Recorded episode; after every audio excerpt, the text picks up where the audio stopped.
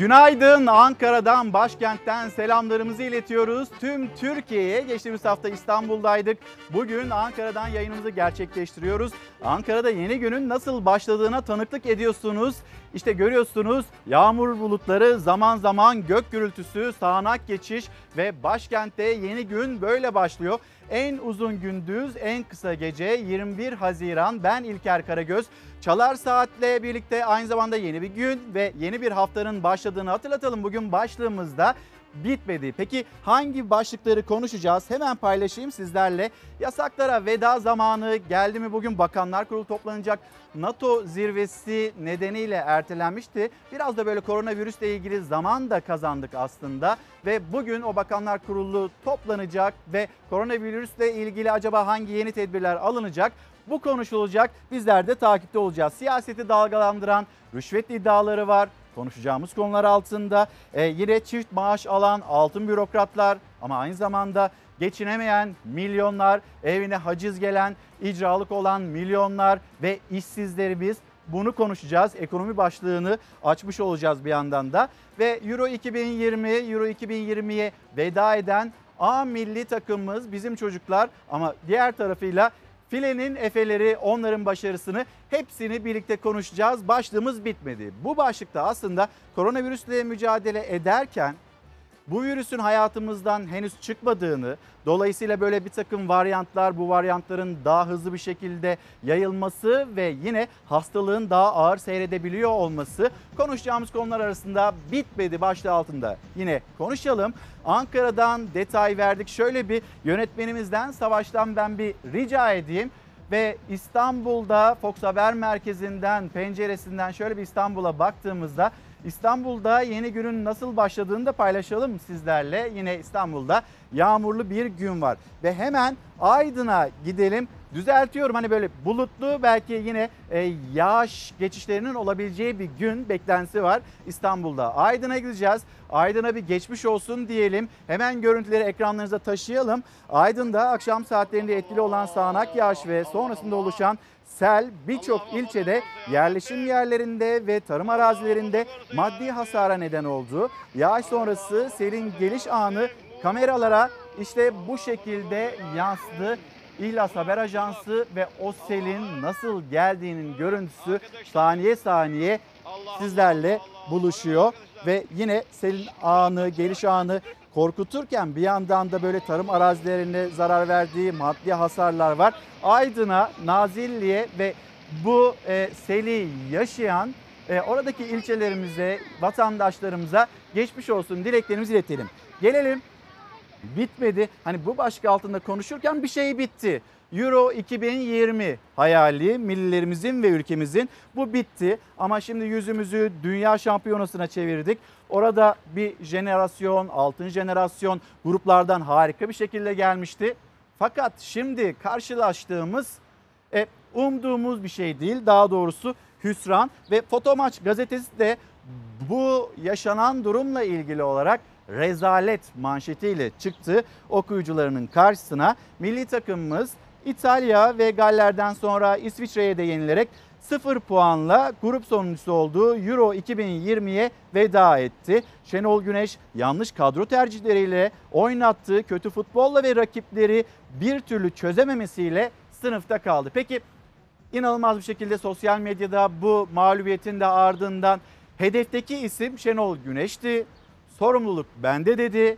Bu sorumluluğun gereği olarak acaba Şenol Güneş istifa edecek mi, etmeyecek mi? Basın toplantısında Şenol Güneş'e bu soru soruldu ve bakın ne yanıt verdi. Çıkmayı hedefliyorduk. Çıkacak gücümüz olduğunu düşünerek de buraya geldik. Zaten e, elemelerden sonra e, gruptan çıkmak, güzel futbol oynamak hedefimizdi. Önümüzde güzel bir hikaye yazma imkanı vardı ama bu e, turnuvayı iyi kullanamadık. Maalesef düşündüğümüzün tam tersi oldu. E, taraftarlarımıza, futbol severlere verdiğimiz beklentilerin altında kaldık sonuç olarak. Belki bu ki büyük ihtimalle onu düşünüyorum. Çünkü güç eksikliği yani yetenek, karakter önemli ama güçlü de olmak çok önemli. Ama ilk maçtaki kayıp maçın sonrası oldukça büyük bir travma geçirdik. Bir özgüven kaybı oldu. Bunun üzerine Galler maçı geldi. Bugün daha iyiydik oyuna baktığımızda. Yani her şeye rağmen bir toparlanma oldu oyunda. Bu çocuklar bizimse yine bizim çocuklar. Başarı ve başarısızlığı da yine bizim çocuklardır. Onlarda bir ayrım düşünemem ve bu çocuklara, gençlere de güveniyorum, inanıyorum. Bunlar Türk futbolunun 10 yılına damga vuracaktı ama bu, bugünkü imtihanı iyi geçemedik. Bunu da kabul ediyorum. Şu andaki düşüncem istifade etmemekti. Şu anda işimizi yaptık. Buradan çıkmak. Maçtan önce gelirken bizi Dünya Kupası finaline getiriyordun. Şimdi nasıl gidersiniz diye düşünüyorsunuz. Zaten böyle yaptığım için sıkıntı var ya Türkiye'de. Tabii bunun hesabı yapılır ama bu hesabı size değil yönetime verilir veya kamuoyuna verilir. Ama yönetim taraftar e, içerisinden bunu kullanarak, değerlendirerek sizin e, bir planlama yapmanızı ben doğru bulmam yani. Ama fikir olarak sorulur. E, yetkili olduğu için sorumlu olduğumu söylüyorum. E, herkes sorumlu. E, medyada sorumlu. E, ne bileyim işte e, yönetimde sorumlu, oyuncuda sorumlu, personelde sorumlu. iş yapıyoruz çünkü. Ama takımın başarı başarısızlığında sorumluluğu üzerine almak her zaman benim almam gereken. Bunu da söylüyorum ama bunun karşılığı istifa mıdır, iş yapmak mıdır, işi bırakıp kaçmak mıdır, yoksa çalışmak mıdır? Onu e, siz daha iyi takdir edersiniz. Şenol Güneş e, bu karşılaşma sonrasında verdiği mesajlar böyle. İstifa etmeyi düşünmediğini söyledi.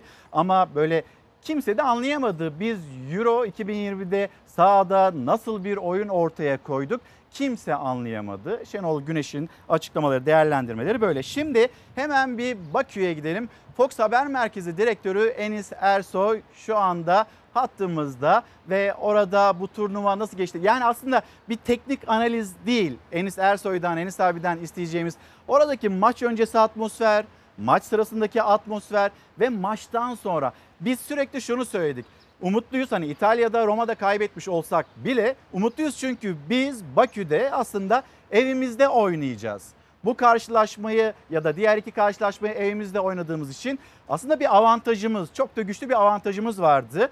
Ve bu sahaya nasıl yansıdı, yansıdı mı? Hani Türkiye üzüldü, Azerbaycan'daki durum tablo neydi? Hemen bir kendisine soralım. Enis Ersoy, Enis abi beni duyabiliyor musun? Duyuyorum İlker'cim. İyi yayınlar, iyi haftalar.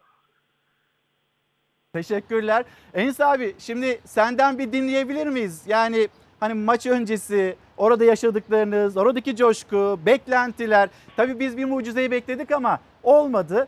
Ve sonra, sonra ne oldu? İlker çok büyük hayal kırıklığı oldu. Çok büyük üzüntü oldu. Azerbaycan Türklerinin beklentisi bizden çok yüksekti.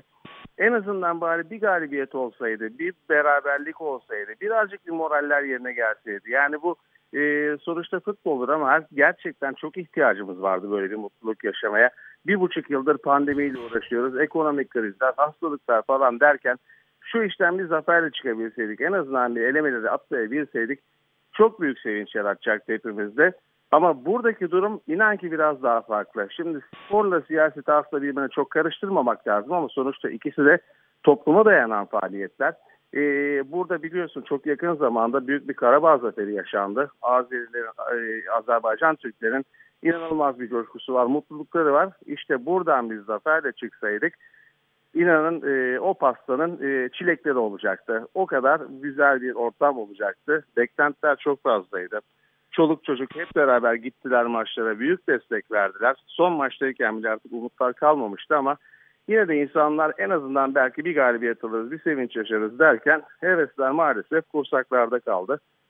Ee, yani Türkiye'de yarattığı üzüntünün inanın daha büyüğünü Azerbaycan'da yarattı. Çünkü buradaki beklenti yani dediğim gibi e, o Karabağ ruh haliyle birlikte birleştiğinde daha farklı bir anlama gelecekti. Daha farklı bir anlamı çıkıyordu ortaya. Ama olmadı. Artık teknik analizinde spor adamlarına bırakmak lazım. Ama işin sosyal tarafına baktığımızda gerçekten yazık oldu demekten başka bir şey yok. Bizler de dönüşe geçiyoruz şimdi. Enis abi şimdi hani teknik analiz yapmayalım ama sen de hani böyle spor dünyası, spor camiası ona çok uzak birisi değilsin. Öyle bir habercisin hani böyle çok yönlü siyaset de var bir yandan da spor da var senin dünyanda. Peki Şenol Güneş, Şenol Güneş'in yapmış olduğu açıklama, istifa etmeyeceğim demesi, e, herkes sorumlu, medyada sorumlu ifadeleri nasıl değerlendirdin? Kısacık bunu da bir dinleyebilir miyim senden?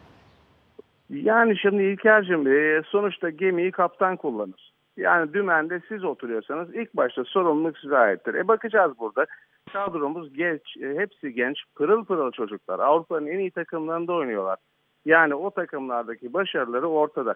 E bu insanlar sistemli bir şekilde oynatılamıyorsa, maça başladığımız taktik sonuç vermiyorsa ve sonuna kadar aynı şekilde gidiyorsak, aynı dakikalarda aynı isimler üzerinden değişikliklerle o çare arıyorsak, umut arıyorsak ve sonuca da ulaşamıyorsak herhalde yeni isimlere fırsat vermek belki de daha doğru olacaktır diye düşünüyorum. Enis Ersoy, Fox Haber Merkezi Direktörü Enis Ersoy'a teşekkürler. Enis abi çok sağ ol ve şimdi de dönüş yolundasınız. İyi yolculuklar dilemek istiyorum size de. Teşekkür ederim Şimdi A milli takımımız ne demek Enis abi? Şimdi A milli takımımızda üzüldük. Bizim çocuklar hani Euro 2020'de bizi üzdüler ama sevindiğimiz bir yer var, bir mecra var. Çok fazla spor gazetelerinde yer almıyor ama bu sevinci yani futbolda yaşayamadığımız sevinci bakıyorsunuz e, yine o salonda, parkelerin üzerinde, basketbolda ya da voleybolda yaşıyoruz biz. Burada bir sevince ihtiyacımız vardı ve sağ olsun filenin efelerine. Filenin efeleri bir kez daha büyük bir gurur yaşıyor, yaşatıyor. Altın Lig şampiyonluğuna ulaşıyor.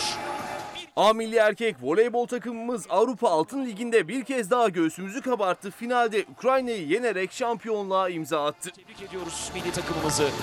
Teşekkür ediyoruz bize yaşattıkları bu gurur için. SEV Avrupa Altın Ligi final mücadelesi vardı dün akşam. A milli erkek voleybol takımımız finalde Ukrayna ile karşı karşıya geldi ve Ukrayna'yı 3-1 yenmeyi başardı. İstiklal Marşımız.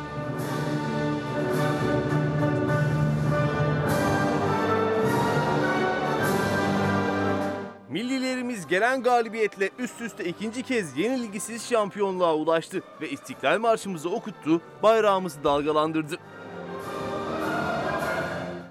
Bizlere günaydın diyen izleyicilerimiz var. Onlara bizler de Ankara'dan, başkentten günaydın diyelim. Bilmiyorum belki size de ulaşıyordur bu gök gürültüsü, o sesler ve bir yandan da arkamızda Ankara'da yağış var. Zaman zaman hızını artıran bir sağanak yağış var.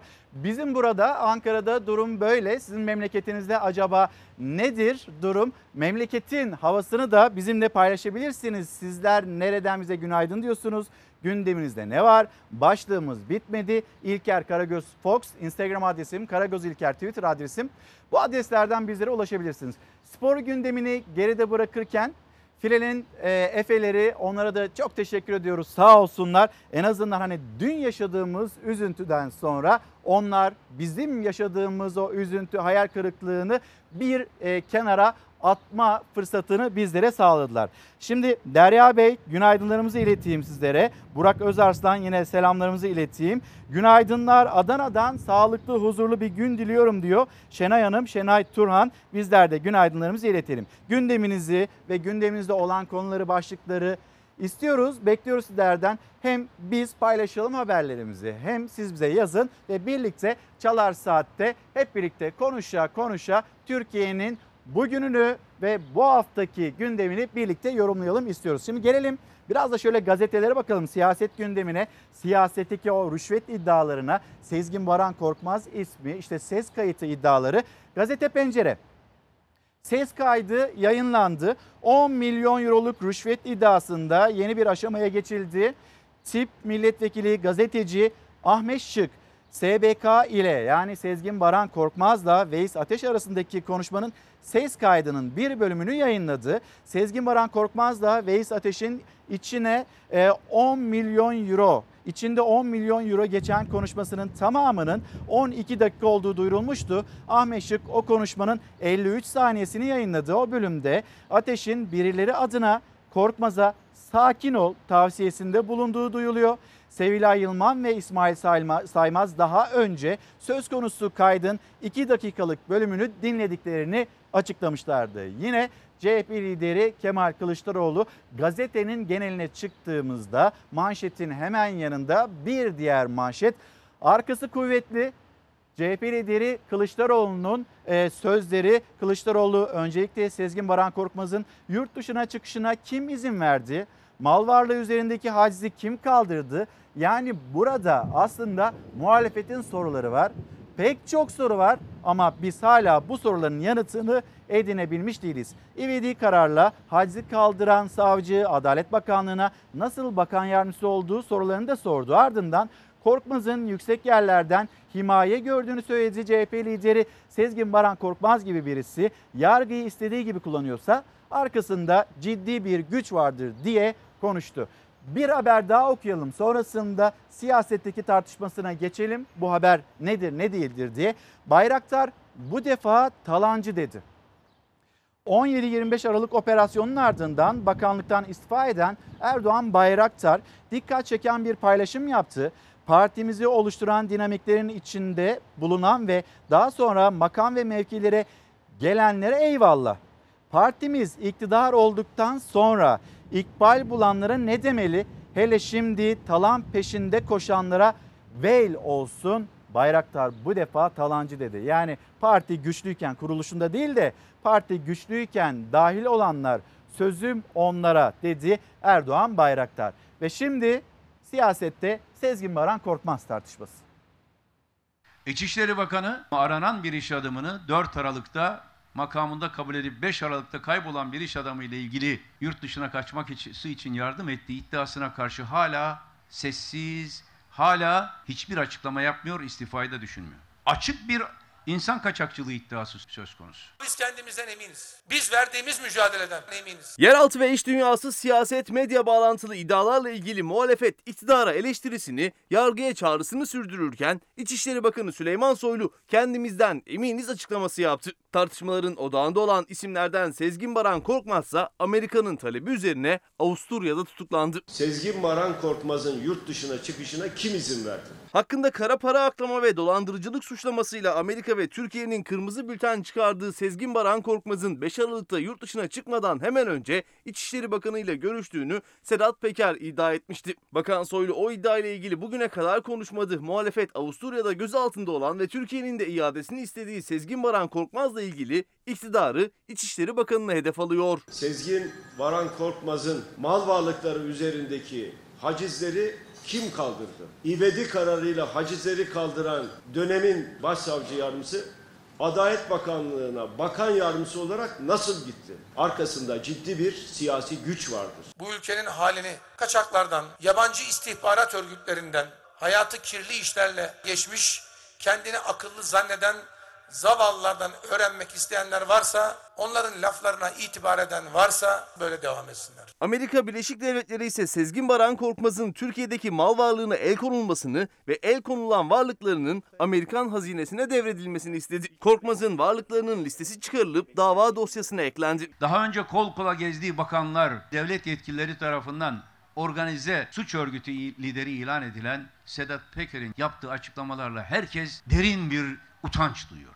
Bir tek muhataplar utanç duymuyor. Firari Sedat Peker'in uyuşturucu ticaretinden cinayete iş dünyası siyaset ilişkilerine kadar tüm iddialarının araştırılması için muhalefet yargının harekete geçmesini istiyor. Bir ülkede yargı çalışmıyorsa, savcılar yasa dışı işlemler konusunda harekete geçmiyorsa o ülkede adalet yoktur. Türkiye'yi eski Türkiye'ye çevirmek için nasıl tezgahlar kurduklarını, hangi yalanları servis ettiklerini biliyoruz. Daha önce aynı sofrada oturanlar şimdi birbirlerini yiyorlar. Türkiye'nin aylardır konuştuğu iddialar karşısında Cumhurbaşkanı İçişleri Bakanı Süleyman Soylu'ya sahip çıktığı konuşması dışında ses vermedi. Yargının da sessizliği sürüyor. Muhalefetse tartışmayı gündemden düşürmeyeceğini gösteriyor. Gazetesi manşetten yine Sezgin Baran Korkmaz Amerika Birleşik Devletleri'nin talebiyle gözaltına alındı ve Türkiye iade süreci için devreye girdi. Peki hani kendisine sorulan sorular Karar Gazetesi'nin manşetinde ama mesela Fersan Bey, Fersan Kurt diyor ki halen 10 bin dolar alan kişi, siyasetçi hani bu rüşvet iddiaları bununla ilgili bir isim ortaya çıktı mı? İçişleri Bakanı Süleyman Soylu dillendirmişti Fersan abi ve bu konuyu merak eden izleyicilerimiz ve sonrasında Meclis Başkanı Mustafa Şentop yaptığı çağrı bir buçuk saatlik Soylu Şentop görüşmesi Ankara kulisleri Ankara'da herkesin söylediği bir şey kulislerde konuşulan bir şey. Artık Mustafa Şentop da o ismi biliyor ama kamuoyu bilmiyor. Yani e, bir eski milletvekili olduğu, eski bir siyasetçi olduğu söyleniyor. Ama aktif olarak mesela bir partinin etkili bir karar organında hala görevine devam ediyor mu etmiyor mu? Bu sorunun da yanıtı verildiğinde aslında daha da belirginleşecek bir isim var. Ama baktığınızda resmi ağızlardan açıklanmış bir isim yok. Şimdi o konuya da geçiş yapmış oluruz. Ama bakalım bir karar gazetesine vahim iddiaların odağındaki Sezgin Baran Korkmaz Avusturya'da tutuklandı. Cevabı aranan sorular arttı. 10 milyon euronun alıcısı kimdi? Ankara'daki klik kimlerden oluşuyordu? Ses kaydının 9 dakikalık kısmı ortaya çıkacak mı? 3 dakikasını Sevilay Yılman ya da Fatih Altaylı onlar anlattı. Yine İsmail Saymaz gerçekleştirdiği Cuma günü Veys Ateş'le gerçekleştirdiği televizyon programında Veys Ateş bu iddialarla ilgili yanıt verdi. İsmail Saymaz da doğruyu söylemiyorsun. Ben bu kaydı dinledim dedi. Hayır dedi. Sonrasında yapmış olduğu açıklama montaja kadar vardı Veys Ateş'in.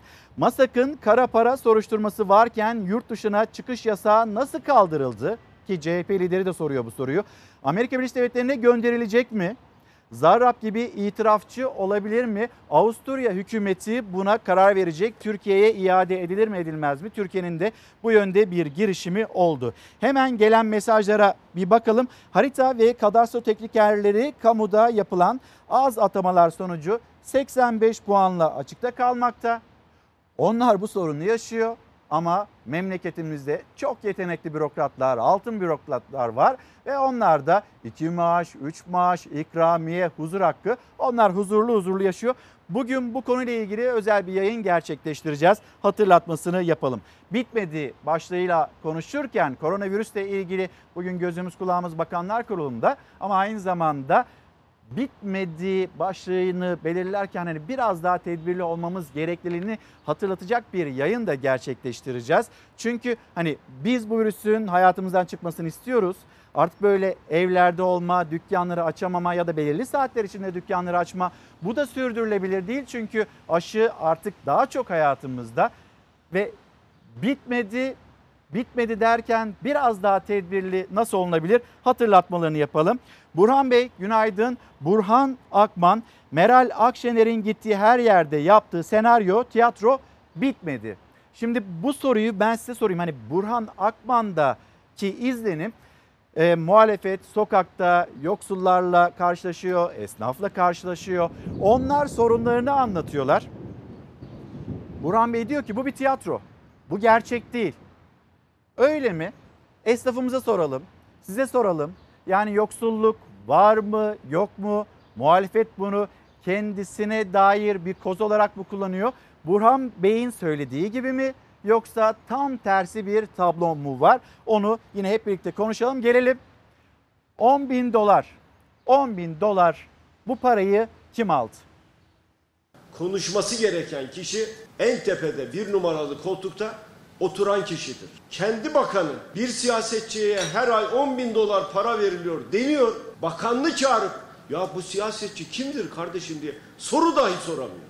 Bu soruyu sormayan kişi yolsuzluğa ortak olan kişidir. Organize suç örgütü lideriyle suçlanan Sedat Peker'den ayda 10 bin dolar alan siyasetçinin kimliğini İçişleri Bakanı Süleyman Soylu sır gibi saklarken muhalefet yargının da Cumhurbaşkanı Erdoğan'ın da sessizliğine dikkat çekiyor. Dökülen bu rezaletler, skandallar karşısında Cumhurbaşkanı her şeyden bahsediyor ama bunlardan bahsetmiyor. Bu iddialar karşısında susanların gözleri kör, yürekleri mühürlüdür. Ayda kime 10 bin dolar para gönderiyorsa hangi siyasetçiye oradan sor. İçişleri Bakanı Süleyman Soylu 19 Mayıs tarihinde TRT yayınında Sedat Peker'in kendisi hakkındaki iddialarına yanıt verirken açıkladı. Bir siyasetçinin Peker'den ayda 10 bin dolar aldığını. O siyasetçi kim, hangi partide sorusu 32 gündür yanıt arıyor. En tepedeki konuşmuyor. Neymiş? Efendim yeraltı dünyasının çeteleri konuşur biz muhatap olmayız. Peki kardeşim İçişleri Bakanı yeraltı çetelerinin üyesi mi? O söylüyor. Yargı beni çağıracak. Bunu savcıya gideceğim ve söyleyeceğim. Biz ortak değiliz. Soruşturma açtık desinler. Niye açamıyorlar? kastettiği isim Türkiye Büyük Millet Meclisi'nde e, milletvekili olan bir kişi değil. Bir isim verdi mi? İsim yok, hayır. Mektupta paylaşılan bir isim yok. Meclis Başkanı Mustafa Şentop, İçişleri Bakanı'nın kendisine de isim vermediğini ancak o ismi yargıya bildirdiğini söylemişti. O isim gerçekten savcının önünde mi bilinmiyor. Sedat Peker'den ayda 10 bin dolar alan siyasetçiyle ilgili soruşturma başlatıldığına ilişkin bir işaret de yok. CHP lideri Kılıçdaroğlu Cumhurbaşkanı Erdoğan'a seslendi. Senin bakanın söylüyor, sen ses çıkarmıyorsun. Ama o siyasetçiyi her gün, her hafta görüyorsun sen o siyasetçiyi. Seninle aynı masaya oturuyor. Ben bir kere bir siyasetçi dedim. Partisinde söylemedim. Yolsuzluğa sessiz kalan kişi, yolsuzluğu sorgulamayan kişi, yolsuzluğa ortak olan kişidir. Kılıçdaroğlu firari Sedat Peker'den ayda 10 bin dolar alan siyasetçinin Erdoğan'ın en yakınında olduğunu söyledi. O isimle ilgili Cumhurbaşkanı konuşacak mı? Yargı harekete geçecek mi? Gözler yeni haftaya çevrildi. Hemen bir de Twitter'a bakalım. Sariye Özkan, Osmaniye ilinden günaydınlar. Burada hava parçalı bulutlu ama güneşli ve güzel günler için umudumuz bitmedi. Bugünkü başlığımıza katkısından dolayı teşekkürler. Zafer İleri EYT zorda. Bu ülkede can çekişen bir kesimiz. 45 yaş üstü fabrikaya alınmıyoruz ve bir yandan da pandemi şartlarıyla birlikte en zor günler geçiren kesimden birisi de biziz. Müzisyenlerimizi konuşacağız. Müzisyenlerimiz onlar da çok uzun süredir zor şartlar altında hayatlarına devam etmeye çalışıyor ve yerel yöneticiler onlar nasıl desteklemeye çalışıyor müzisyenlerimizi yine konuşacağımız konular arasında olsun. İlknur Özel Dönmez Çanakkale'den günaydın. Müsilaj Bozcaada'ya kadar ulaştı. Papaz plajını kiraladılar. Burada bir rant var eleştirisini dilendiriyor. Şimdi Savaş senden bir rica etsem bir gün gazetesine gelebilir miyiz? Marifetleri tek koltukları çok hani bu başlığa geleceğiz ama 50 yıllık emeğe rant darbesi. Şu haberi bir okuyalım. Aynı zamanda İstanbul'da Validebağ koruluğu. Burada da bir rant tartışması var. Burada hani atılacak olan adımlara, koruluğun yok olmasına neden olabilecek e, adımlara itiraz sesi yükseliyor. Muğla Köyceğiz'e bağlı e, Toparlar Köyü'nde yurttaşların 50 yıldır emek verdiği, vergisini ödeyerek ekip biçtiği zeytinlik e, arazi Tokeli ile ranta açılıyor. Yöre sakinlerinden kıy. Burası cennet ama cehenneme çevirecekler derken yorulmaz. Buraları talan ettirmeyeceğiz diye konuştu. Zeytinden önemli hiçbir şey yok diyen e, Gülaşe Subay ise şunları dile getirdiği emeğimizin hiçe sayılmasını kabul etmiyoruz. Bir gün gazetesine geri döneceğiz ama İlknur Hanım'ın hatırlatmasıyla, Bozcaada hatırlatmasıyla bir bu haberi de sizlerle paylaşayım istedim. Karar Gazetesi'ne geri dönelim. Kamuda yaşanıyor. Altın bürokratlar altın çağlarını yaşıyor. Bir de değil birkaç maaş alıyorlar ve iki maaş ayıbına son verin Karar Gazetesi'nin başlığı. Vatandaşın cebinin alev aldığı dönemde neredeyse her gün bir çift maaşlı bürokrat örneğinin ortaya çıkması toplumda tepkiyi artırdı.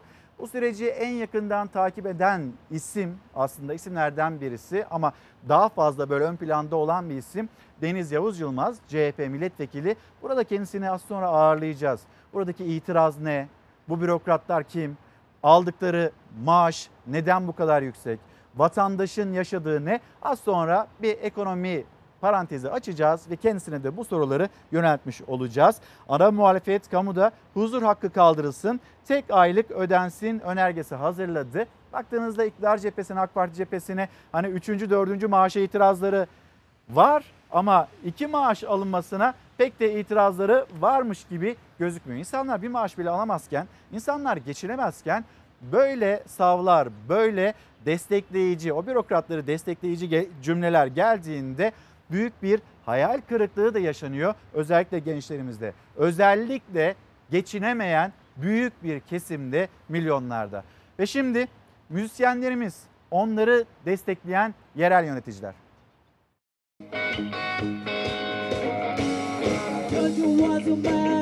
Müzisyenlerini düşünen bir belediyeye sahip olmak bizler için çok mutluluk verici. Uzun süre işsiz kaldık.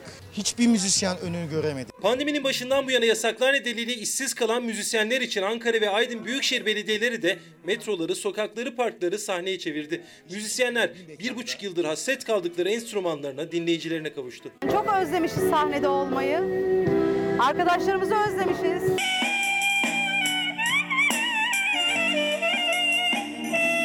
Aydın Büyükşehir Belediyesi Aydın Sahne Konserleri projesini hayata geçirdi. Meydanlarda mini konserler veriyor aylardır işsiz olan müzisyenler. O konserler karşılığındaysa belediye her müzisyene 500 TL nakdi yardımda bulunuyor. Bu projelerin sonu gelmesin, e, müzik susmasın. Müzisyen arkadaşları görünce de hem burada geldik burada mutlu olduk. Covid'den sonra zor durumlara düştük biraz ama bugün Ankara Büyükşehir Belediyesi'nin sunduğu bu fırsat bize çok iyi geldi. Ankara Büyükşehir Belediyesi de Her Park Bir Mutluluk Sahnesi projesiyle zor durumdaki müzisyenlere yardım elini uzattı. Belediyenin yaptığı 500 TL nakit yardım aylardır işsiz olan müzisyenler için önemli. Ama daha da önemlisi özledikleri sahneleriyle, dinleyicileriyle buluşmaları. Sizleri çok özlemişiz, sahnemizi çok özlemişiz. Sağ olun. Müzisyenlerin yaşadığı sorunlar bitmedi. Bir nebze olsun yerelde yöneticiler onlara destek olmaya gayret ediyorlar. Şimdi Antalya'dan Mahmut Bey günaydın diyelim size de. E diyor ki Mahmut Bey tabii emeklerin seyyanen bir zam beklentisi var. Bir yandan bunu hatırlatalım. Diğer yandan da emekli olan bizlere de huzur hakkı verilsin. İkinci bir maaş istiyoruz çünkü aldığımız maaşlar yetmiyor diyor. Sabah gazetesi bitmedi. Koronavirüs bitmedi. Daha dikkatli, tedbirli, yine hala tedbiri elden bırakmadan devam etmemiz gereken günler içindeyiz. Yaz ayları biraz daha yavaşlayacak. Günlük tabloya da bakarız. Birazdan onu da paylaşırız. Ama hemen böyle müjde gibi bir manşet var Sabah gazetesinde. Yasaklara veda zamanı bugünkü kabineye atfen. Türkiye bugünkü kabine e, kararlarına kilitlendi. Kısıtlamaların 1 Temmuz itibariyle esnetilmesi ya da kalkması gündemde. Acaba hazır mıyız? Pazar yasağı sona erebilir. Kabine toplantısında ele alınacak önlemler arasında pazar günleri uygulanan kısıtlamaya son verilmesi de var. Gece kısıtlaması için saat 24 formülü hafta içi uygulanan sokağa çıkma kısıtlamasının ya kaldırılması ya da gece saat 24'e çekilmesi planlanıyor. Ruhsatta yazan saatlerde açık başlık nedir detayı? Restoran, kafe, dükkan ve mağazaların ruhsatlarında yazan saatlerde faaliyet göstermesine izin verilmesi bekleniyor. AVM'ler için normal düzen toplantıda AVM'lerin durumu da ele alınacak. AVM'lerin de normal çalışma düzenine geçmesi öngörülüyor. Sağlıkçılara 3. doz aşı, aşıda ilk grup olan sağlıkçılara hatırlatma dozunun da e, yapılabileceği belirtiliyor. Şimdi Sinovac aşısını olmuşlardı. Yeni mutasyonlar var. Delta mutantı, dünyaya etkisi. Şimdi onu paylaşacağız ama Sinovac aşısını olan sağlıkçılara ya da önden bu aşıyı olan büyüklerimize 65 yaş üstüne bir doz da e, BioNTech aşısı, Alman aşısı yapılması gündemde. Bakanlar Kurulu'nda konuşulacak bir takvim ortaya çıkacağı paylaşılıyor. Şimdi hemen bir dünyaya bakalım. Bu delta virüsü ne kadar etkiliyor onu aktaralım. Delta varyantının etkisiyle kısıtlamaların uzatıldığı İngiltere'de stadyumlar aşı merkezlerine dönüştürüldü. 18 yaş üstü yüzlerce genç aşı kuyruklarında sıranın kendisine gelmesini bekledi. Brezilya'da salgınla tek başına mücadele eden eyalet yönetimleri aşılamayı hızlandırmak için çabalıyor. Rio de Janeiro'ya bağlı adalarda 18 yaş üstü herkese aşı teklifi sunuldu. Salgın bu kez Hindistan'da başlayan mutasyonun gölgesinde yayılmaya devam ederken dünya genelinde ilk kez can kayıplarında anlamlı bir düşüş yaşandı. Ülkelerden gelen ölümler uzun bir aradan sonra 5000'lere düştü. Geçtiğimiz haftalara kadar 5000 can kaybı tek başına Hindistan'da kaydediliyordu. İngiltere'de hızla yayılan mutasyon sonrası aşı olmayanlar dahil 18 yaş üstü herkese teklif sunuldu. Tottenham bölgesinde futbol stadyumu aşı merkezine dönüştürüldü. Çoğunluğu gençlerden oluşan yüzlerce insan aşı kuyrukları oluşturdu. Bilim insanları gençlerin aşı süreci tamamlandığında mutasyonlu virüsün yayılmasında ciddi bir düşüş yaşanacağını öngörüyor. Birçok ülke turizm için tedbirler eşliğinde harekete geçmişken Portekiz'de hükümet kısıtlamaları artırdı. Artan yeni vakalar sonrası başkent Lizbon'a hafta sonu uygulanan giriş çıkış yasağının bir süre daha devam edeceği açıklandı.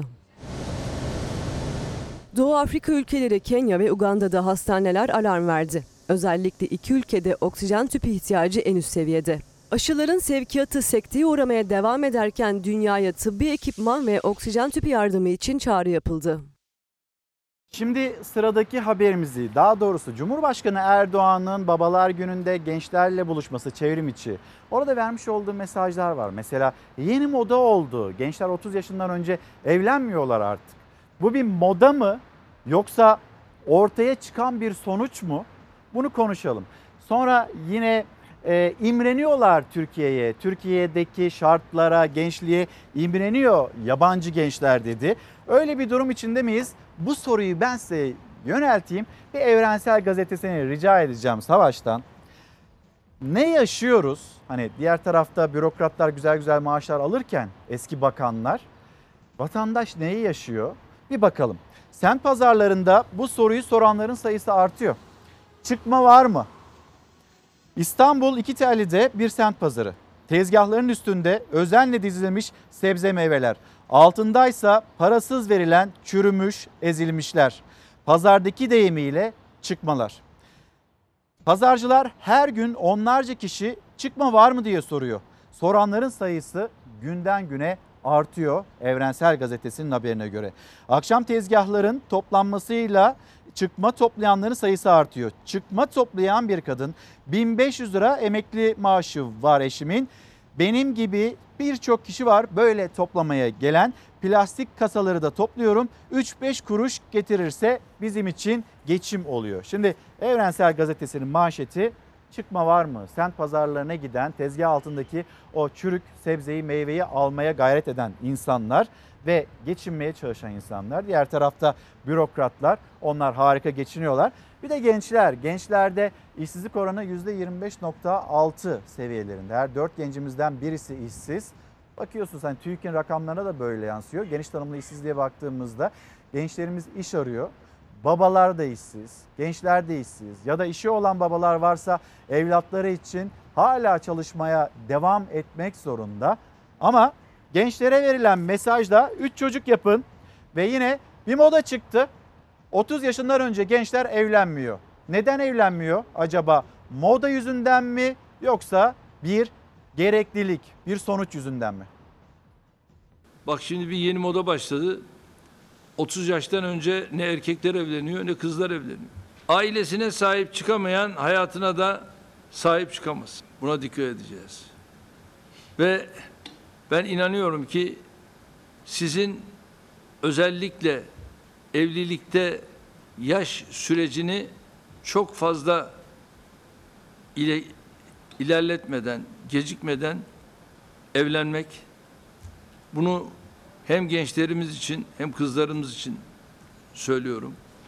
Ve bir de tabii nikah törenlerinde hep söylerim. En az üç çocuk. Biz gençliğimizde yurt dışına gittiğimizde oraları görürdük. Bizim ülkemiz niye böyle değil derdik. Gelişmiş ülkeleri söylüyorum. Ama şimdi onlar buraya geldikleri zaman diyorlar ki bizim ülkemiz niye Türkiye gibi değil. Ve biz Şehrin kuzeyinden Ankara'da hemen arkamızdan yavaş yavaş bir sağanak yağış yaklaşırken sizin memleketinizde durum nedir? Memleketten haberlerinizi bekliyoruz. Sosyal medya hesaplarımızda yine ekrana yansıtalım, gösterelim. Bir mola verip hemen dönelim. Günaydın bir kez daha devam ediyoruz Çalar Saat'te. Bir misafirimiz var Gazi Üniversitesi Enfeksiyon Hastalıkları bölümünden. Profesör Doktor Esin Davutoğlu Şenol şu anda yanımızda. Hocam günaydın. Günaydın, Hoş geldiniz hoş yayınımıza, bulduk. terasımıza. Böyle bir yağmurlu bir gün. Evet.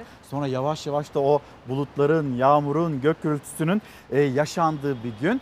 E, şimdi bir yandan hani buradaki gelişmeleri, siyasetteki gelişmeleri, ekonomideki gelişmeleri, memleketteki gelişmeleri, hava durumu dahil onları aktarmaya gayret ediyoruz. Diğer yandan da bugün Bakanlar Kurulu var. Böyle bir esneme olacak mı, olmayacak mı, hangi kararlar alınacak bunlar merak konusu. Ama bütün dünyayı da böyle kasıp kavuran bir mutasyon. Evet. Delta mutasyonu. Bununla ilgili bir haberimiz var hocam. O haberimizi bir paylaşalım. Sonra günlük tabloya bakalım, değerlendirmelere bakalım. Uyarılar varsa o uyarıları belki hatırlatmak gerekiyor. Onları sizinle konuşmak istiyoruz. Hemen şimdi delta virüsü ve bu delta virüsünün sonuçları. İngiltere'de yeni meydana gelen COVID-19 vakalarının yaklaşık olarak %90'ı hatta daha bile fazlası delta varyantına bağlı. Özellikle 12-20 yaş arasına hastalığın yığıldığını ve bunların çoğunun da aşı yaptırmamış kişiler olduğunu gösteriyor bilimsel veriler. İlk olarak Hindistan'da görülen delta mutasyonu dünyayı alarma geçirdi. Çünkü koronavirüsün bu yeni formu hem daha bulaşıcı hem de hastalığın daha ağır seyretmesine neden oluyor. Kalabalık Hint nüfusuna sahip İngiltere delta mutasyonunun en çok görüldüğü ülke. Onu Singapur izliyor. Endonezya'da da aşılanan 400'e yakın doktor ve sağlık çalışanı delta varyantına yakalandı. Hastaneye yatırıldı. Sağlık Bakanlığı mutasyonlara ilişkin veri paylaşmadığı için Türkiye'deki son durum bilinmiyor. Bu varyantlar e, tanı testlerinden kaçabilir. Ayrıca aşı yapılmış kişilerde de e, hastalık yapabilir. Yani siz tanı da koyamayabilirsiniz. E, çünkü e, yeni mutasyonları tespit etmek için onlara karşı yeni moleküler yöntemlerin geliştirilmesi lazım. Tanı konulması zor. Üstelik 22 Haziran'dan itibaren Rusya'dan Türkiye'ye uçuşlar yeniden başlıyor. Orada da son 3 haftada binlerce kişide delta mutasyonuna rastlandı. Enfeksiyon hastalıkları uzmanı Profesör Doktor İftihar Köksal'a göre tedbirlerin elden bırakılmaması gerekiyor. En önemli korunma yolu da maske.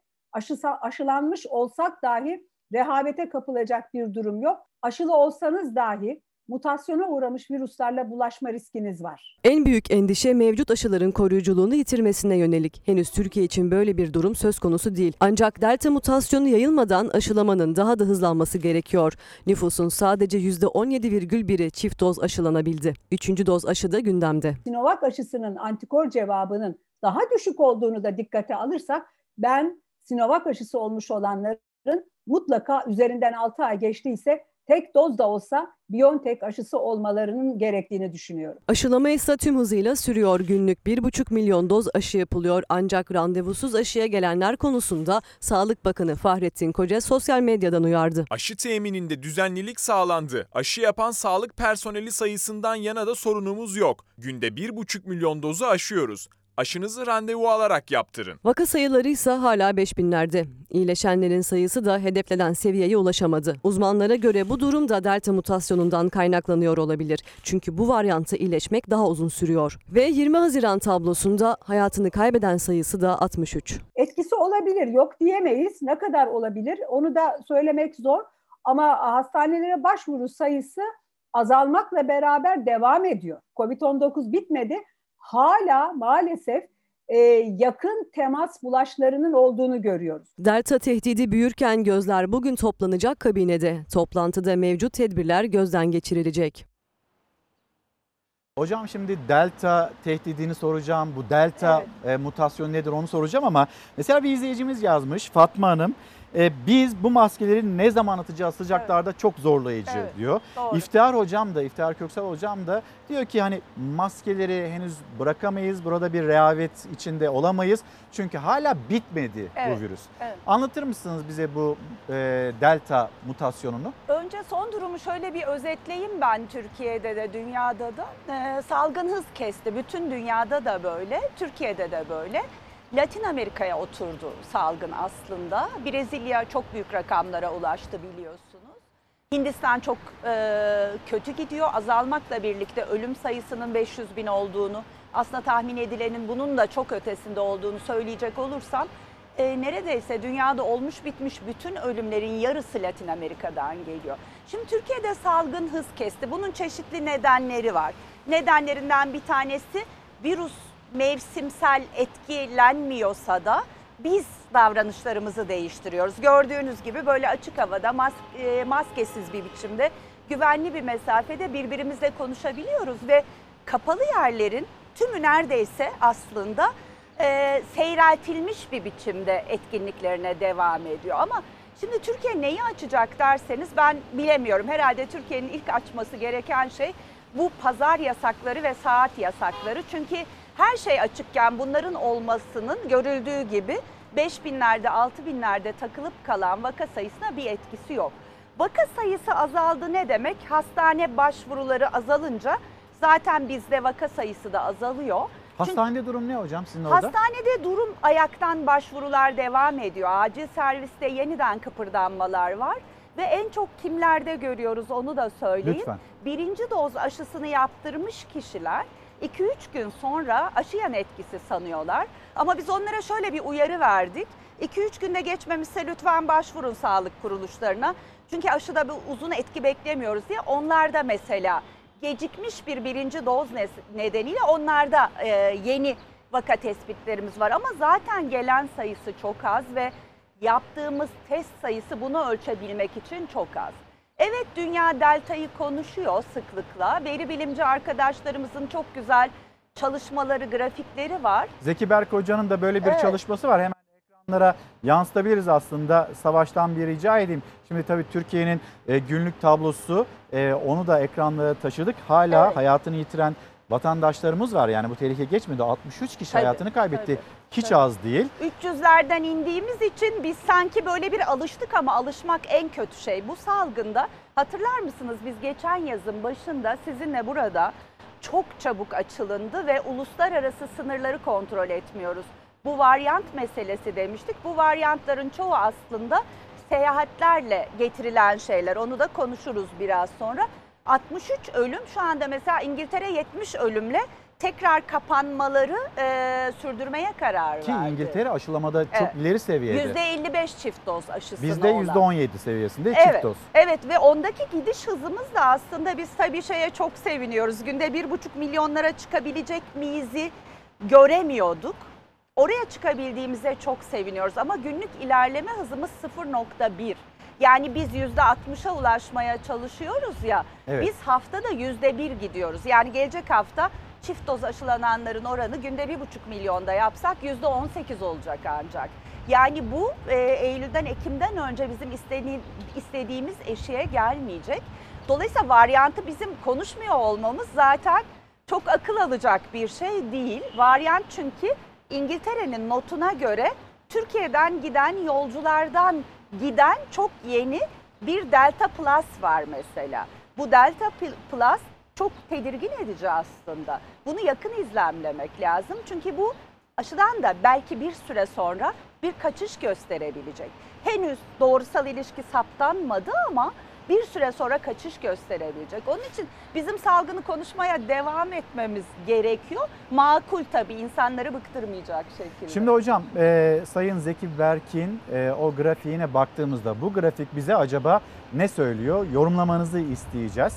Buyurun. Evet, evet. Şimdi e, gerçekten veri bilimciler olmasa yolumuz nasıl aydınlanır? Çünkü başka veri yok elimizde. Hep bu şikayeti sürdürüyoruz. Şu anda da haftalardır şunu soruyoruz. Delta varyantı ne durumda? Önce delta varyantının ne olduğunu söyleyelim. İlk olarak Hindistan'da saptandı. Ekim, Kasım gibi saptandı ve girdiği ülkelerde burada gördüğünüz gibi bir, e, bir önceki İngiliz varyantı dediğimiz alfa varyantının yerini aldı. Ve yerini almadan önce aslında ilk uyarı şöyle oldu. İyi sekans analizi yapmayan ülkelerde ki bunlar arasında işte Rusya şu anda çok yükselmiş durumda delta, e, delta varyantı. Yüzde bir falan sekans E şimdi analizi Rusya'dan yapıyor. yarın itibariyle günde 140 uçak Evet. yolcu gelecek. Evet. Yani yoğunluk, yolcu yoğunluğu önemli ama ka- kaynakta Türkiye'nin rolü olduğuna vurgu yapmak istiyorum ben bir yandan da. Çünkü şöyle söyleyeyim Delta varyant Hindistan'da saptandıktan sonra İngiltere sınır kontrolünü çok e, katı hale getirdi. Hatırlıyor musunuz? Karantina süresini Evet. uzattı. Hatta karantina parasını siz ödüyorsunuz gidiyorsanız ve bir otelde geçiriyorsunuz. Evinizde falan geçiremiyorsunuz. Ancak Türkiye üzerinden transit giden İstanbul'da kalan e, Hindistan, e, Pakistan kökenli yolcularda bu karantina süresi kısa tutuldu ve delta varyantı alfa varyantının üstüne eklenip alfayı sildi ve şu anda delta hakim hale geliyor pek çok ülkede. E, bunlar arasında İngiltere şu anda %90'lara kadar ulaşmış durumda ama İngiltere başka bir şey daha izliyor. Delta çift mutasyon demiştik. Aslında bu terminolojiyi biraz e, ne diyelim metaforik kullandık. Tam terminolojik olarak doğru değil. Alfa'nın yani İngiliz varyantının bir seviye atlamış halidir delta. Alfa orijinalin bir seviye atlamışıydı. Bu da alfanın bir seviye atlamış hali. Neden bizi tedirgin ediyor? Bazı mutasyonları hepsindeki varyantlardaki bazı mutasyonları alıyor, biriktiriyor ve fonksiyonel hale getirebiliyor. Onun için çok daha bulaşıcı, onu biliyoruz. Girdiği coğrafyalarda olanı o grafiklerden gördünüz. Ama bunun menşei zaten Türkiye'de var. Yani Rusya'dan gelen yoğunluk bunu görünür hale getirecek elbette ya da başka uçuşlar. Çünkü ne kadar yoğun yolcu alırsanız ihtimal o kadar çoğalır. Ama İngiltere'nin koyduğu bu Delta Plus denilen yeni ve huzursuz edici, henüz endişe verici varyant olarak kaydedilmeyen varyant için iki tane uçuş tarif ediyor. iki tane yolcu teması tarif ediyor İngiliz, İngiliz e, vakaları için. Nepal ve Türkiye. Dolayısıyla bu var zaten Türkiye'de. Biz sadece bakmıyoruz. Ama böyle bir açıklama yapıldığını görmedik. Evet yapılmalı. Soruyoruz sürekli çünkü. Soruyoruz sürekli. Şimdi hocam e, İngiltere, Almanya, Rusya hani ve Endonezya buradan kaynaklı ve ciddi sorunlar yaşandığını da görüyoruz. Ama bir yandan da turizm dönemindeyiz. Evet. E, ve turizm döneminde yolcular gelecek, turistler gelecek. İşte yarın e, Rusya'dan gelecek, Fransa ile bunun anlaşması yapıldı. Böyle bir beklenti de var. O zaman hani ne yapılması gerekiyor gelen turistlerle ilgili? Nedir sizin çağrınız? Bizim en önemli aslında kaçırdığımız aralığın Ocak'tan bugüne kadarki aşılama süreci olduğunu söyleyelim. Şimdi ikinci doz aşıyı yapabilmeniz için bir zamana, bir süreye ihtiyacınız var. Birinci dozu yaptınız %30 evet. kişiye. Bu %30 kişi de yeni yaptığınız 17 milyon kişinin 42 gün aralık koydunuz. Bir kere bu 42 gün aralıktan vazgeçilmesi lazım eğer aşı tedariki yerindeyse. Yani yine 28 evet, güne mi çekilmeli? Evet mutlaka çünkü şunu biliyoruz biz. Şimdi plus olmayan yani artı olmayan delta bu söylediğim yeni ilgimizi çekmeye başlayan ve üzerinde durduğumuz e, artı delta olmayan delta iki doz e, mRNA aşısına çok iyi cevap veriyor. Aslında bir dozda da hastaneye yatış ve ölümleri azalttığını biliyoruz ama koruyuculuk düşük. Bu ne demek bir dozda? Alman aşısında öyle ama Çin aşısında değil. Bilmiyoruz onu. Ha, bilmiyoruz. Çünkü Çin aşısıyla ilgili verimiz aslında şöyle. Alfa'ya karşı bazı laboratuvar çalışmaları yapıldı. Ee, şey kaybetmekle birlikte koruyuculuğu devam ediyor. Ama şimdi Endonezya'dan yapılmış olan bazı yayınlar var. Diyor ki çift doz aşılı sağlık çalışanları yeniden hastalanmaya başladı. Hastalanıyor peki ölüyor mu? Hayır ölmüyor. Yani aşı gene de koruyor ölmekten ama ağır hastalanan ve hastalanan var. Bu ne demek? Bulaştırabilir demek. Yani onun için inaktif aşıda bu süreci net bilmiyoruz ama e, şeyde mRNA aşısında bir dozun tek başına bulaşıcılığı önleyemeyeceğini delta için ama söylüyorum. Ama e, gene de koruduğunu söyleyelim. İki doz çok önemli. İki dozda hız yapmamız çok önemli. Ne kadar hız yapmalıyız? Nereye ulaşmalıyız? Biz nüfusun %70'ine ulaşmamız gerekiyor. %70'e %17'den günlük 0.1 hızla gidiyoruz. Artık bazı inatların bırakılması gerekiyor. Bu inatlardan bir tanesi ben kimseye bir şey sormam sadece ben yaparım. Masamdaki insanlarla yaparım inadı. Çünkü hatırlayacak olursanız bütün yerel yönetimler ve bütün e, hekimler aslında şöyle bir çağrıda bulundu. Gelin çok daha fazla aşılama yapalım. Ve bunun için sahayı kullanalım, futbol e, sahalarını kullanalım, okulları kullanalım ama bir seferberlik olarak yapalım ve biz bu aşılama işini çok hızlandıralım. Yani bir buçuk milyonu da aşıp iki buçuk milyon, Tabii, üç milyon tabii. böyle bir Çok- seviyeye erişebilir miyiz? Tabii ki. Tabii ki şu anda biz kendi sağlık kapasitemizin yüzde seksenini kullanıyoruz. Mevcut olan. Mesela ben 10 oda kullanıyordum. Ee, sağlık çalışanlarını aşılarken tek odada 80 kişi aşılayabiliyorum. Bekleme sürelerini de dikkate alarak ve sağlık çalışanlarını da dikkate alarak şu anda 4 oda kullanıyorum. Çünkü ne başvuru olarak ne de bana bırakılan aşı olarak bunun üstüne çıkmama ihtiyaç göremiyorum ve takvimi de göremiyorum aslında. Bana sadece verilen şey istediğim zaman belli bir miktarda, belli bir miktarda aşı bu kadar. Onun dışında benim de aslında sisteme entegre olmuşluğum yok onu söyleyeyim. Hocam çok sayıda mesaj geliyor. Bir yandan da böyle sabah gazetesinin de manşetinde yer, yer alıyor. Yasaklara veda zamanı. Biz o seviyeye geldik mi? Bu yaz böyle maskelerin yüzümüzü terleteceği son yaz olacak mı? Bir haberimiz var. Tabii. Haberimiz hazır. Hemen bir paylaşalım. Sonra e, izleyicilerimizden yani sizlerden gelen mesajlara da hızlı hızlı bir bakalım istiyorum. Aşılamada yakalanan ivme, vaka sayılarındaki seyrin korunması, yaşanan olumlu gelişmeler sonrası gözler kabine, kısıtlamaların gevşetilip gevşetilmeyeceğine çevrildi.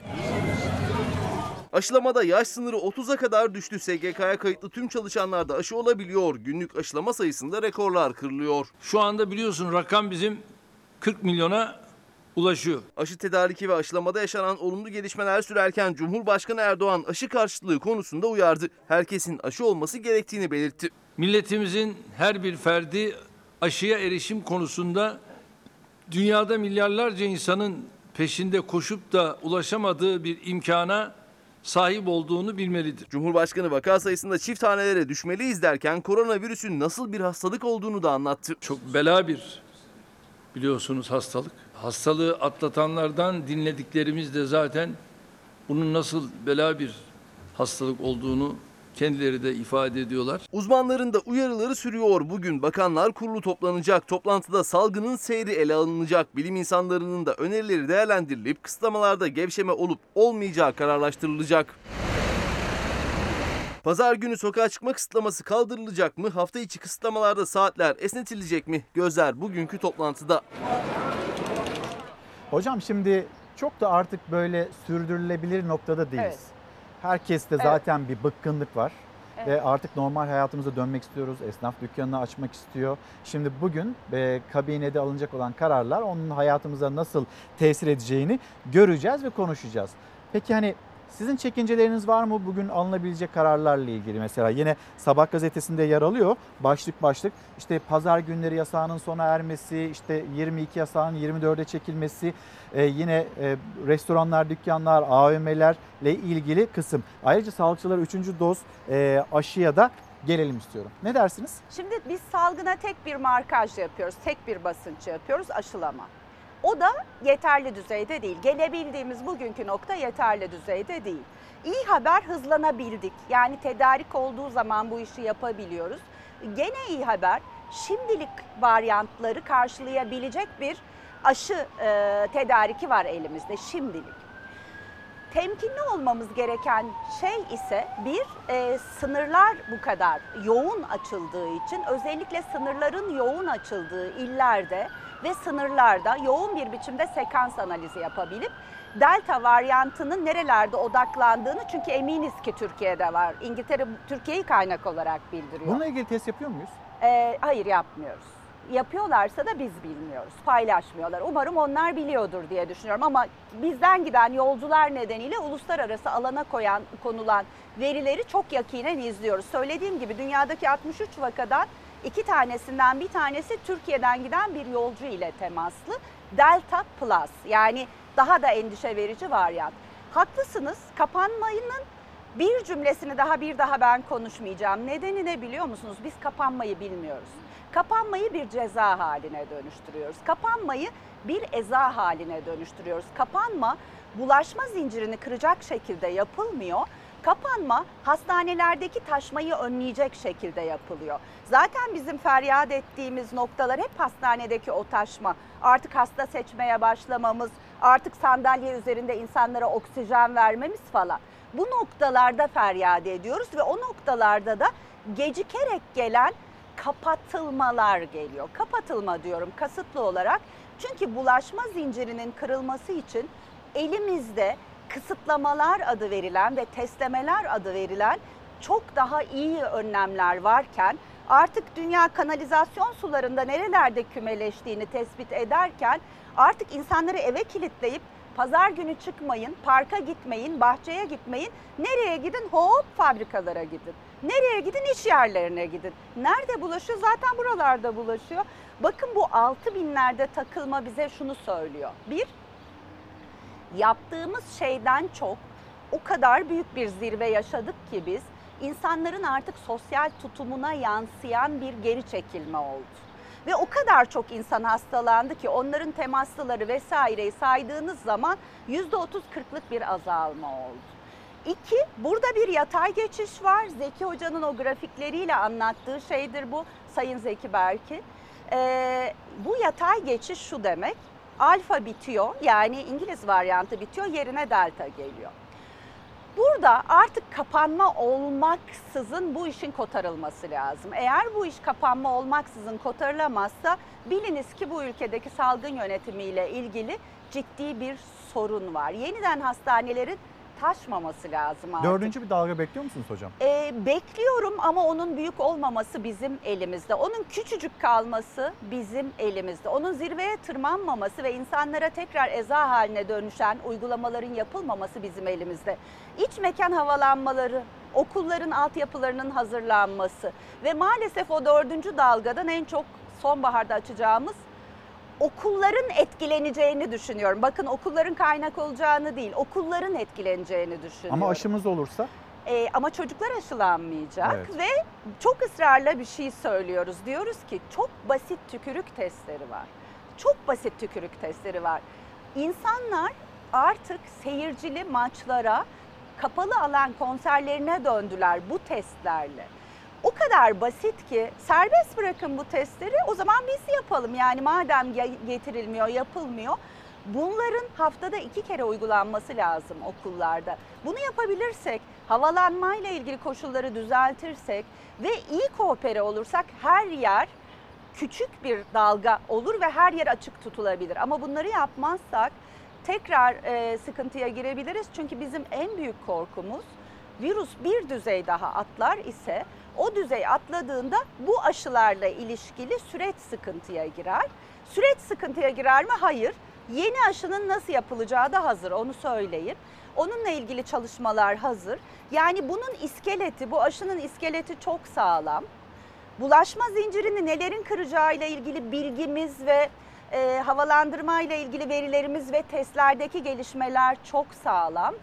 E, bunları masaya koyarsak e, daha az hasarla atlatabiliriz. Şimdi size ve bize de e, yine çok sayıda günaydın diyen, selamlarını gönderen izleyicimiz var. E, Nurcan Kamış mesela Didim'den günaydın diyor. Ay- Ayşe Hanım, Ayşe Efe selamlarımızı iletelim.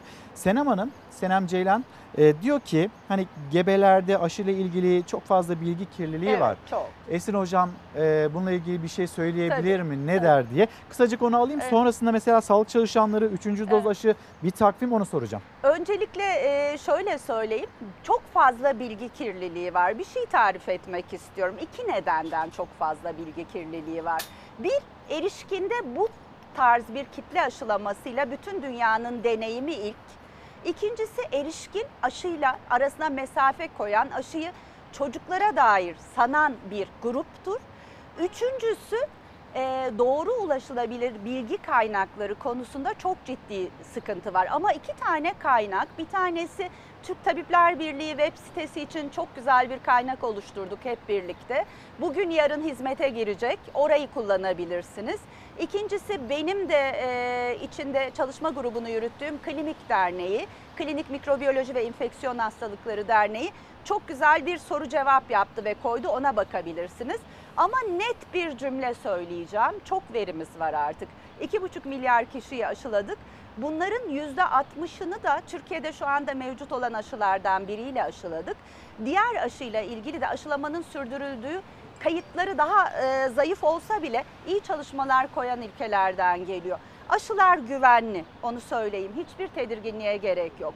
Aşıların bazı yan etkileri olabilir ama günde bir buçuk milyon kişi aşılıyorsunuz. O bir buçuk milyon kişinin başına ne gelecekse, besin zehirlenmesi de olur, Covid'in kendisi de olur, başınız döndü de olur, şekeriniz düştü de olur. Bunlar Bunların hepsi olur. Hepsi olur. Aşıya denk geliyor. Üçüncüsü aşıların güvenlik verisi konusunda yeterli süre geçti. Gebelerle ilgili artık çok sağlam veri var elimizde. Lütfen aşınızı olunuz çünkü gebeyken Covid geçirmek Kaçıncı aydan sonra hocam? aslında sıfırıncı günden itibaren olunabilir ama biz ilk aylarda olan düşük sıklığı nedeniyle aşıyla e, ilişkilendirilmesin diye 12. haftanın geçirilmesi ama çok yüksek riskli ise hemen aşılanmasını mutlaka öneriyoruz. Ve mRNA aşısıyla ilgili aslında çok sayıda veri konuldu artık. 90 bin tane gebe verisi var, İsrail'deki gebe verisi var vesaire. Dolayısıyla emniyetli gidiniz ve yaptırınız. Hocam hemen bir Hürriyet Gazetesi'nin manşetini paylaşayım Tabii. sizinle ve izleyicilerimizle. Üçüncü doz aşı Temmuz'da manşet.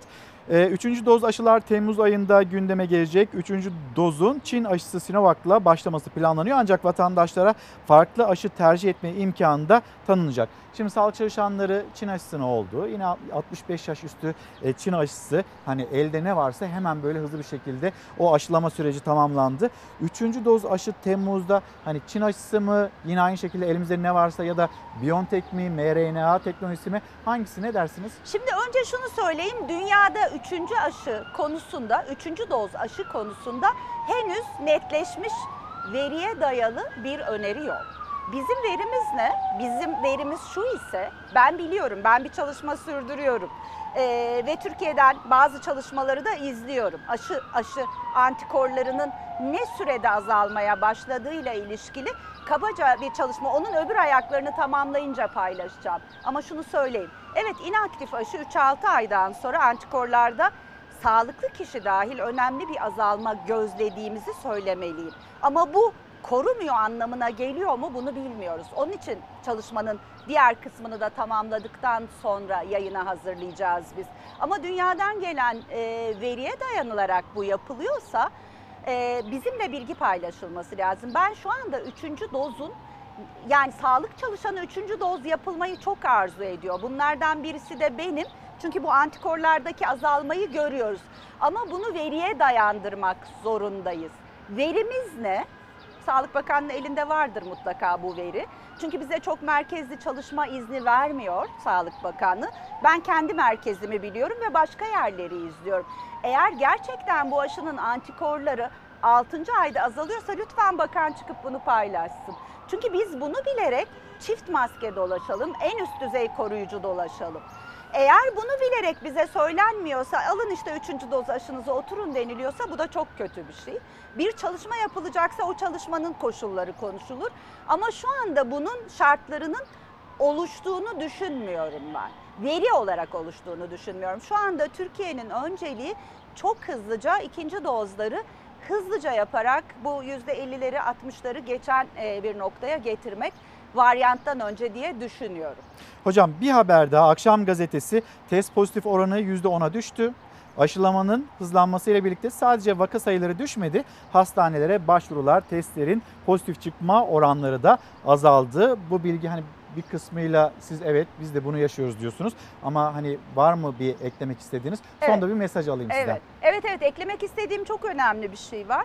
İnsanlar kendilerine çıkmış aşı hakkını kullanmak için ki bu delta varyantı artık belirti ve bulguları oldukça değiştirdi bir. İkincisi artık genç grupta dolaşıyor hastalık. En hareketli onlar olduğu için. 12-20 yaş aralığı mı hocam? Ee, hayır. 18-30 yaş aralığı. 18-30. 18-30 yaş aralığı. Ee, onlar çok hareketli çünkü mecburen işe gidiyorlar, sınavlara giriyorlar, dershanelere gidiyorlar vesaire. Onlar da böyle ağır bir grip gibi seyrediyor ve onlar aşı hakkı çıkmışsa aşı hakkını bozmamak için, kullanmak için her şeye rağmen teste gelmeyip aşı olmaktan yana kalıyorlar. Şu aşı sonrası çok uzadı benim yan etkilerim diyenlerin bir bölümü aslında aktif olarak hastalığı geçiriyor. Ben size söyleyeyim. Dolayısıyla biz aktif testleme yapmadığımız sürece gerçek fotoğrafı çekmiyoruz. Çekmediğimiz halde de çok kırılgan ve yatay bir çizgideyiz. Yani alfa ile delta'nın kesişim noktasında bir yerdeyiz. Mesajım şudur. Ee, bundan sonrası geçirdiğimiz bir buçuk yıl nedeniyle çok fazla bilgi, çok fazla yöntem var. Doğru bilgi var artık. Bundan sonrası yönetilme süreciyle ve bizim yapacaklarımızla ilgili diyemeyeceğim çünkü haklısınız çok yorulduk, bıktık ve bize ne denilirse yapmaya çalışıyoruz aslında. Hep birlikte bunu yapmaya çalışıyoruz. Doğru. Ama e, şunu söyleyeyim, e, korona olan komşusunu ziyarete giden bir kültürü var bizim ülkemizin. Onun için bu işin yönetimsel olması ve koordine olması ve şu gen sekans analizinin yapılması ve aşıyla ilgili bizimle bütün gerçeklerin yani bize yapılan aşı bizi korumadı mı bütün gerçeklerin paylaşılmasını istiyoruz. Benim bile bildiklerim bakabildiklerimle kısıtlı. Bakmadığım yeri göremiyorum. Her yere bakmama da izin vermiyorlar. Onun için ben dünya verisini paylaşıyorum. Kendi sahamdan veri paylaşıyorum ama bakanlık artık veri paylaşımı konusundaki cimriliğinden vazgeçmeli. Hocam hızlı bir soru cevap yapalım mı? Ee, Selda Hanım göndermiş 18 yaş mRNA ile aşılanmalı mı güvenli mi? Evet ve güvenli, şart ve güvenli. Çünkü bakın hemen bir şey söyleyeyim. 18-30 yaş yeni bir veri var. 3000 vaka var. %20'si yoğun bakım, %3'ü ölüm. Sizce aşılanmalı mı? Evet. Evet. Ee, Sultan Hanım e, 16 yaşında diyabetli bir oğlum var. Kronik hastalığı olan çocuklar aşılanacak mı? Böyle bir uygulama olacak mı?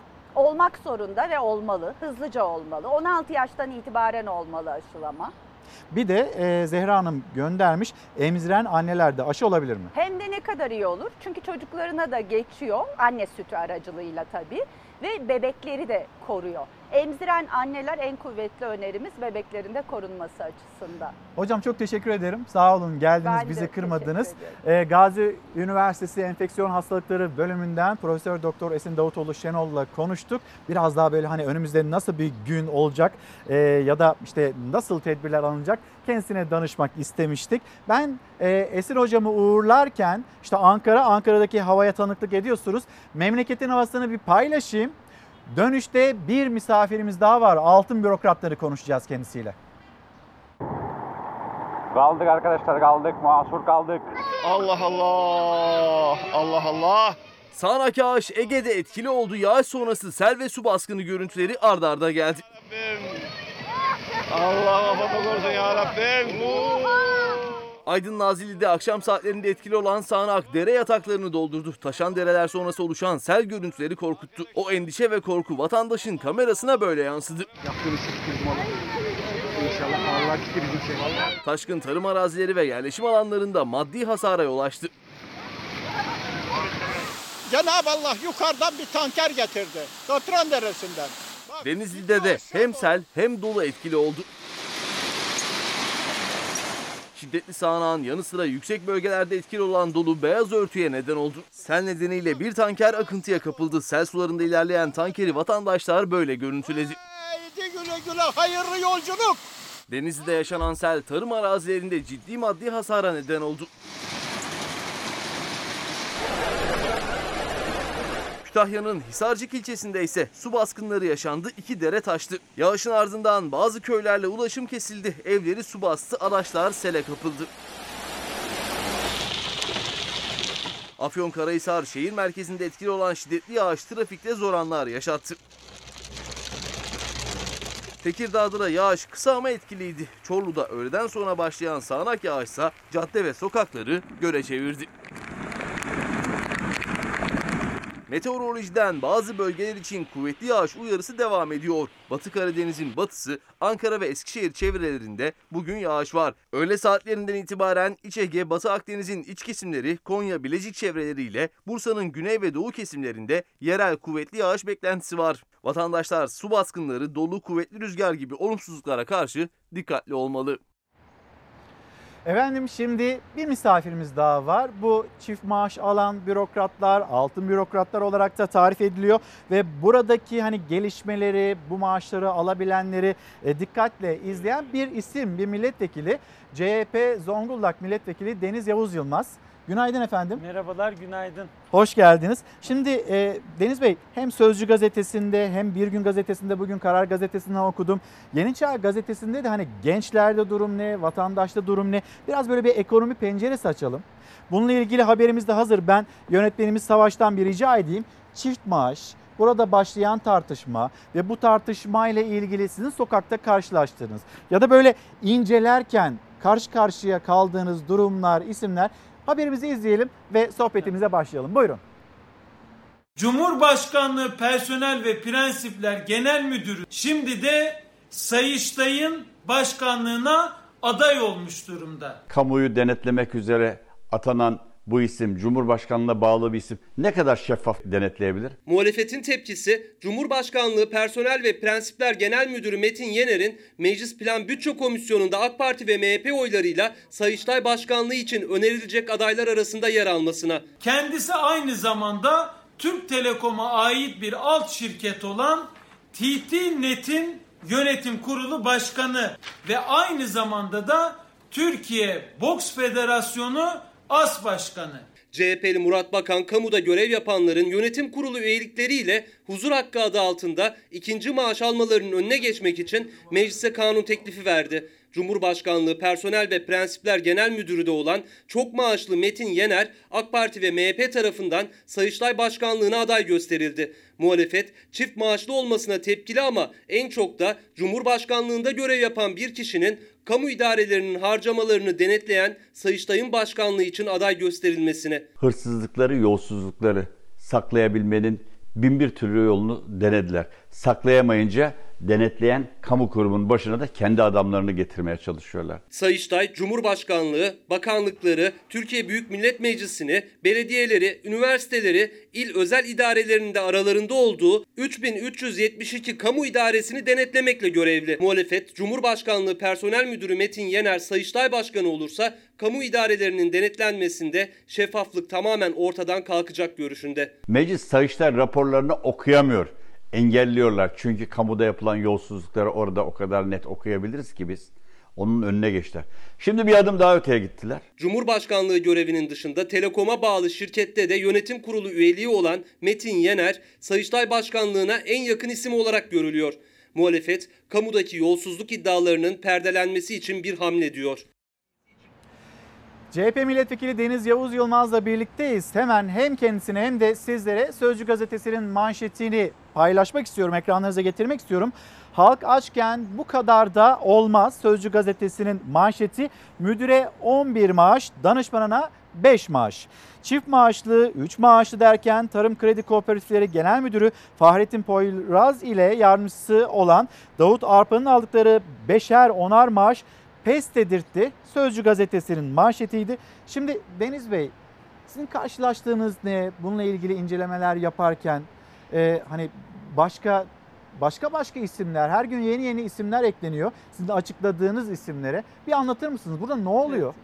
birden fazla maaş almak bir hastalık gibi şu anda bütün kurumlara yayılmış durumda. AK Parti hükümetlerinin sistematik olarak uyguladığı bir zenginleşme metodu bu. AK Partili bürokratlar birden çok yerden TL, dolar, avro üzerinden devasa tutarda maaş, prim, ikramiye, ücret, kar payı, huzur hakkı almaya devam ediyor. Bu her ne ad altında olursa olsun aldıkları devasa maaşların yanında bir de çeşitli yan haklar var. Yani nedir? Makam aracı, ikramiye, yakıt desteği, şoför, lojman yani neredeyse bir yere para harcamak isteseler harcayacak yerleri yok. Böyle bir zenginleşme aracı olmuş durumda. Neticede saraydaki tek adam aslında kurumlarda da tek adamcıklar oluşturarak hem oradaki muhakeme, tartışma ve gelişim aşamalarının önünü kapatıyor. Aynı zamanda da liyakati yok ediyor. Yani bir örnek verecek olursak Buyurun. maaşlara gelmeden önce çoklu görevler almanın ne gibi sakıncaları var? Örnek Alparslan Bayraktar. Kendisi Enerji ve Tabi Kaynaklar Bakan Yardımcısı. Şimdi bu görev bile 24 saatini vererek kendisine adayarak ancak yetiştirebileceği bir görev. İkinci bir görevi daha var. O da Kardemir yani Karabük Demir Çelik Fabrikalarının Yönetim Kurulu Başkanı. Yani özel sektör. Üçüncü bir görevi daha var. Kardemir'e e, ait olan bir alt şirket Kardökmak'ın da yönetim kurulu başkanı. Dördüncü bir görevi daha var. TPAO yani Türkiye Petrolleri Anonim Ortaklığı'nın da yönetim kurulunda. Beşinci bir görevi Beş. daha var. O da EPİAŞ'ın da yönetim kurulunda. Düzenleyici, denetleyici bir kurum durumunda. Yani Süpermen olsa, Batman olsa bu kadar görevi bir arada yapması mümkün değil. Dolayısıyla da ne oluyor? Bu görevlerin yapılması gereken kurumlar işlevsiz hale geliyor. Liyakat ortadan kalkıyor ve devlet mekanizması adeta tahrip oluyor. Diğer taraftan da gelirsek bir yandan çoklu görev yani çok rollü bürokratlar diyoruz biz bunlara. Bir yandan da çoklu maaşlar.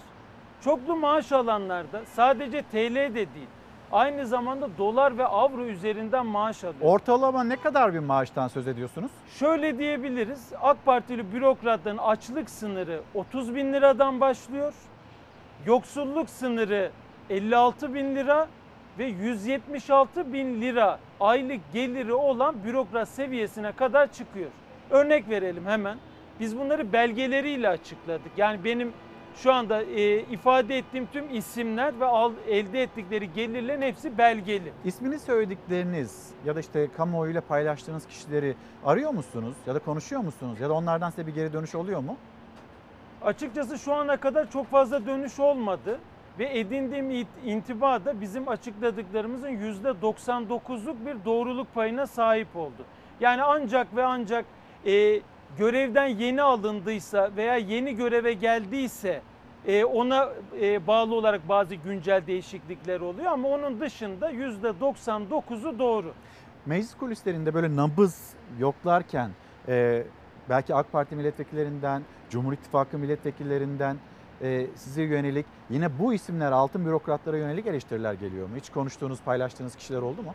Bunlar negatif değil ama pozitif yönde değerlendirmeler var. Çünkü kendileri de aslında nasıl bir hükümet sisteminin içinde olduklarının, bunun nasıl bir garabet olduğunun ve mecliste özellikle iktidar partisinin milletvekillerinin nasıl işlevsiz hale getirildiğini aslında bizim açıklamalarımızdan sonra fark ediyorlar.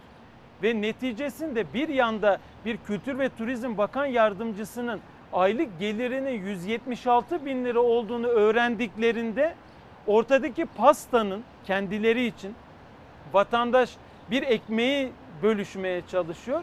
Ancak AK Parti hükümetinin yetkilileri bir pastayı paylaşmaya çalışıyor. O pastadan daha düşük bir pay aldıklarını görerek serzenişte bulunuyorlar. Ama bu serzeniş vatandaşın lehine bir serzeniş değil.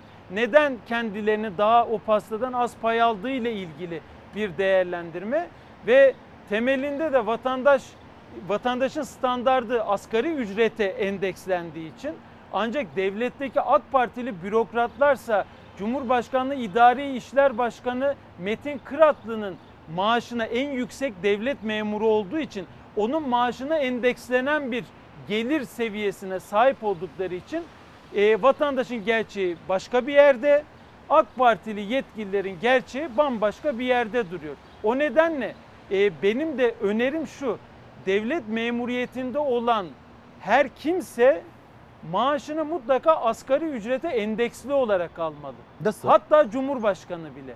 Yani bugün Türkiye'de asgari ücret ne kadar? 2825 lira. Doğru. O zaman Cumhurbaşkanı da bu asgari ücretin belirli bir çarpanı üzerinden maaş almalı. İşte 5 asgari ücret, 10 asgari ücret artık görevinin gerektirdiği ihtiyaç neyse. Şu anda Cumhurbaşkanı'nın maaşı ne? Kaç asgari ücret? Şu anda asgari ücrete endeksli değil. Cumhurbaşkanlığı bir tavan noktasında Ne kadar ücret alıyor. maaşı? Yani onun maaşı 100 bin liranın üzerinde. 100 bin, 120 bin e, aralığına endekslenmiş durumda. Diğer devlet memurlarının pek çoğunun maaşı Cumhurbaşkanlığı İdari İşler Başkanı'nın maaşına endeksli. Buradaki garipliklerden bir tanesi şu. E, Cumhurbaşkanlığı İdari İşler Başkanı e, yasalara göre en yüksek devlet memuru. E, ancak kendisi de şu anda 3 ayrı yerden gelir elde ediyor. Bunlardan bir tanesi Cumhurbaşkanlığı İdari İşler Başkanı olması. Diğer yandan ve buradan 22.906 lira aylık maaşı var. İkinci olarak Borsa İstanbul'un yönetim kurulunda. Buradan da aylık 24 bin lira geliri var. Ve üçüncü olarak da, da toplantı başına YÖK üyesi olarak ayrıca görev alıyor. Her birinden ayrı makam aracı alıyor. Hani bir tanesine kendisinin bindiğini düşünürsek diğer iki makam aracına kim biniyor gibi böyle soru işaretleri de ortada. Aynı zamanda bakınız vatandaşa asgari ücret pazarlığı yaparken bir kuruş iki kuruş verip vermeme konusunda bile direnç gösteren AK Parti hükümeti söz konusu birden çok yerden gelir elde eden AK Partili bürokratlara gelince Borsa İstanbul'un genel kurulu toplantı tutanağına göre olur da gelir vergisi çıkarsa birden fazla yerden ücret aldıkları için bu gelir vergisini kim ödeyecek sorusuna da bir yanıt bulmuşlar. Onu da ilgili kurum ödüyor. Gelir Dolayı- vergisi de ödemiyorlar. Gelir vergisi de ödemiyorlar. Dolayısıyla e, bir özellikle koronavirüs sürecinde derinleşen bu ekonomik krizin altında vatandaşlarımız ezilirken, gençler iş bulamazken, esnaf kepenk kapatırken bu AK Partili bürokratlar zenginleşmeye lüks içinde yaşamaya devam ediyorlar. Deniz Bey e, bir izleyicimiz yazmış. Tolga Fırat Bey Ankara'dan günaydın diyor bize ve size.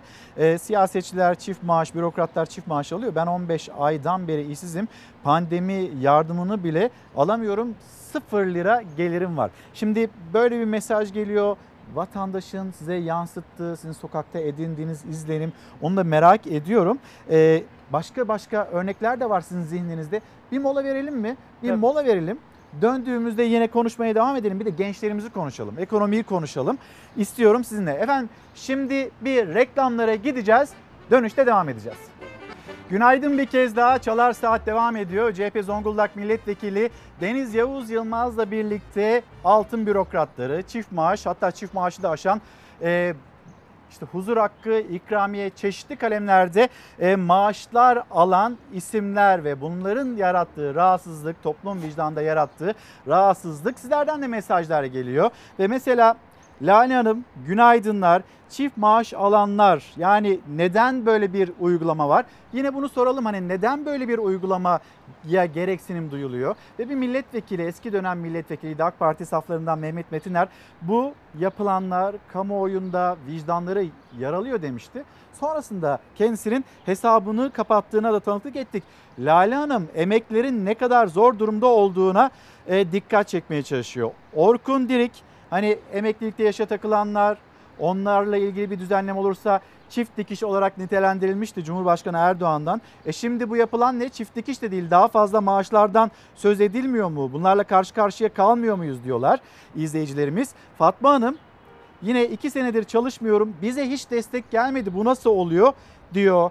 Hemen e, Deniz Bey size bir gün gazetesinden iki haber okumak istiyorum. Bu haberlerden ilki marifetleri tek koltukları çok.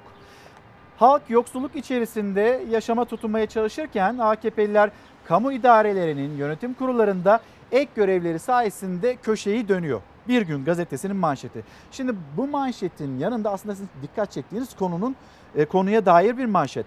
Hemen yan tarafında ülkenin yarısı borçlu. Bunu da okuyalım. Sonra Evet. bu uygulama neden böyle devam ediyor? Vazgeçenler oluyor mu? Bu maaşlardan feragat edenler oluyor mu? Onu e, sormak istiyorum size. Kamuda pek çok AKP'li isim çifter çifter maaş aldığı tespit edilirken artan yoksulluk ve geçim sıkıntısı milyonlarca yurttaşı borç içinde bıraktı. Mahalle muhtarlıklarına borç tebligatı yağıyor. Bu yıl 1 Ocak 18 Haziran günleri arasında icra ve iflas dairelerine toplam 3 milyon 407 bin yeni dosya geldi. Dosya sayısı geçen yılın aynı dönemine göre 937 bin artarken icra dairelerindeki dosya sayısı 22 milyon 158 bine ulaştı. Bankalar ve finans merkezlerine borçlu olan yurttaş sayısı ise ülke nüfusunun neredeyse yarısı, ülkenin yarısı borçlu bir gün gazetesinde. Bir tarafta altın bürokratlar, diğer tarafta yoksullukla boğuşan milyonlar. Şimdi başka örnekler de var. Evet, Ee, e- sizin- ekonominin temel Buyurun. dengesi bir tarafta birileri aşırı zenginleşiyorsa diğer tarafta çoğunlukta fakirleşecek. Denge bunun üzerine kurulu. O nedenle Böyle de denge olur mu? o nedenle de bu denge nasıl bozulmalı? Toplumun halkın lehine bozulmalı. Onların geliri ve refahı artırılmalı ve herkes insanca yaşamalı ve geleceğe dair umudunu kesmemeli. Mutlu bir geleceğe doğru e, hep birlikte el ele omuz omuza yürüyecekleri bir sistemi Yani inşa bir etmek huzur gerekiyor. hakkı verilecekse o huzur hakkından, ülkenin kaynaklarından, milli gelirinden 83 milyon ya da nüfusumuz ne kadarsa herkesin eşit seviyede yararlanması gerekiyor. Dar bir zümreye huzur hakkı verdiğinizde kalan çoğunluğu huzursuz ediyorsunuz. Mutsuz ediyorsunuz. Ben açım, işsizim notu bırakarak vatandaşlarımız intihar eder duruma geldiler. Şimdi örneklerle ilerleyelim. En, en tavandaki örnek Kültür ve Turizm Bakan Yardımcısı Nadir Alparslan. Kendisi bakan yardımcısı. Aylık maaşı 27.917 lira. Aynı zamanda bir özel bankanın yönetim kurulunda ve burada da aylık olarak aldığı ücret yaklaşık 60 bin lira. Ve aynı zamanda da Aylık diyorsunuz evet bunlara. yıllık dağıtılan temettünün yani kar payının kendi payına düşen kısmı da aylık 80 bin lira. Topladığımız zaman yaklaşık 176 bin lira aylık geliri var. Yine Burhan Ersoy kendisi Vakıflar Genel Müdürü. Genel müdürlük maaşı 14.917 lira. Kuveyt Türk Katılım Bankası'ndan aylık yine ücret alıyor. Aynı zamanda kar payı alıyor. Aynı zamanda da Vakıf Katılım Bankası'nın da yönetim kurulunda. Neden bu bürokratlar bu e, bankanın yönetim kurulunda? Çünkü bankanın %18,72'si Vakıflar Genel Müdürlüğü'ne ait. Dolayısıyla da aylık gelirleri 176 bin lira seviyesine geliyor. 62 asgari ücret. 62 asgari Netten ücret. söylüyorum Evet. tabii. Şimdi bu AK Partili bürokratların kimler olduğuna bakarsak çoklu maaş alan, birden fazla yerden maaş alanlar kim? Bakan yardımcıları, eski bakan yardımcıları, eski bakanlar, eski milletvekilleri ve bunların tümü AK Partili. Ve AK Parti'nin çeşitli e, yetkilileri şu anda bu birden fazla yerden devasa tutarda maaşlar alıyorlar. Hemen örneğine bakalım. Bakalım dolar, avro üzerinden de gelir elde edenler var mı? Şakir Ercan Gül, Hazine ve Maliye Bakan Yardımcısı şu anda. Kendisi 27.917 lira bakan yardımcılığı maaşını alıyor. Aynı zamanda Sun Yani Express'in TL'ye güvenin denilirken bu bakanlıktan o bakanlığın bürokratları dolarla, euroyla mı maaş alıyor? avro üzerinden evet ücret alıyor. Bakın Ticaret Sicil gazetesine göre kendisi Sun Express'in, Sun Express Hava Yolları'nın yönetim kurulunda ve buradan aylık 3750 avro ücret alıyor. Aynı zamanda da Exim Bank'ın genel kurul tutanaklarına göre de Exim Bank'ın yönetim kurulu başkanı ve yönetim kurulu başkan ve üyeleri de orada da 10.370 lira maaş alıyor. Huzur hakkı alıyor. Aynı zamanda da iki maaşta ikramiye alıyorlar. Bakınız ikramiye alanlar da bitmiyor. Türk Telekom'un yönetim kurulu başkanı aynı zamanda Ulaştırma ve Altyapı Bakan Yardımcısı. Ömer Fatih Sayan. Ve yine Türk Telekom'un 9 yönetim kurulu üyesinin 5'i AK Partili bürokrat. Ben bundan vazgeçiyorum diyen hiç olmuyor mu?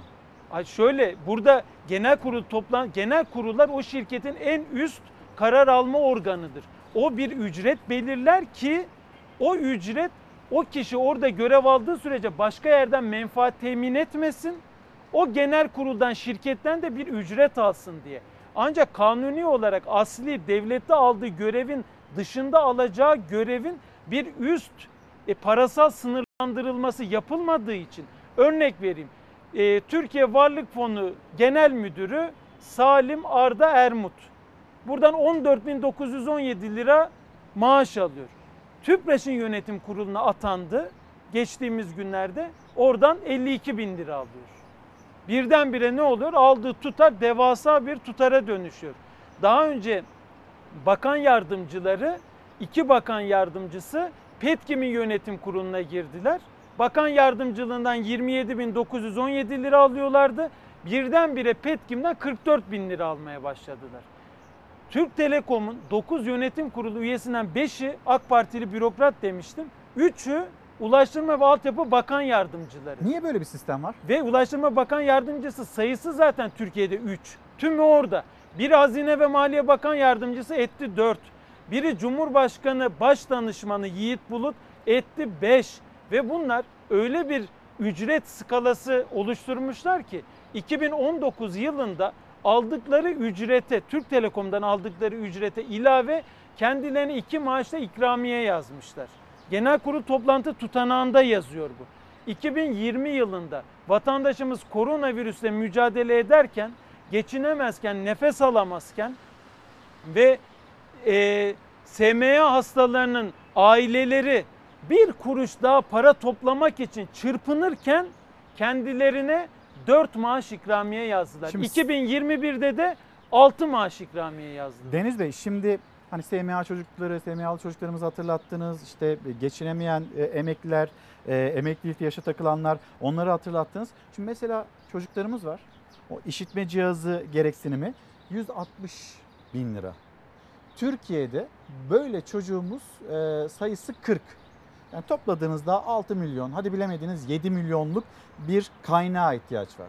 Ve biz bu çocuklarımızın o önemli gereksinimini devlet olarak sağlayamazken işte buralarda böyle böyle maaşlar ödendiğinde vicdanları yaralayan, vicdanları sızlatan bir durumla karşı karşıyayız. Bunun haberi hazırla, hazır. Şimdi hem bunu konuşalım hem de bu çocuklarımızı bir hatırlatalım. Yani o aileler, o çocuklar duymak istiyor. Duymak istiyorlar ama biz 40 tane çocuk Türkiye Cumhuriyeti Devleti 40 tane çocuğun o 160 bin lira tutan cihazlarını alamıyor muyuz? Duydun mu beni? Dudak kokuyor daha çok. Abi gel. Abi da. Baba nerede? Vada Bakmadığı zaman çünkü şey yapmıyor. Anne e, demesini çok istiyorum. Yani kendi hayatını idam ettirsin. En azından bunu yapabilsin. 5 yaşındaki adının annesi kızının sesini 9 yaşındaki Rüzgar da öğretmeni duymak istiyor. Duymadığı için maalesef. Çok hevesli öğretmeni de diyor ama yok yani anlamıyor ki. İstiyor konuşmak Doğuştan işitme ve konuşma engelli Rüzgar yüz ifadesiyle gülen gözleriyle konuşuyor ama anne baba diyebilmesi için beyin sapı implantı ameliyatı olması gerekiyor. Ameliyat 160 bin lira. Ailesinin o parayı verecek durumu yok ve iddialarına göre devlet de o rakamı karşılamıyor. SGK 40 bin ya da 60 bin civarı bir rakamı ancak karşılıyor devlet.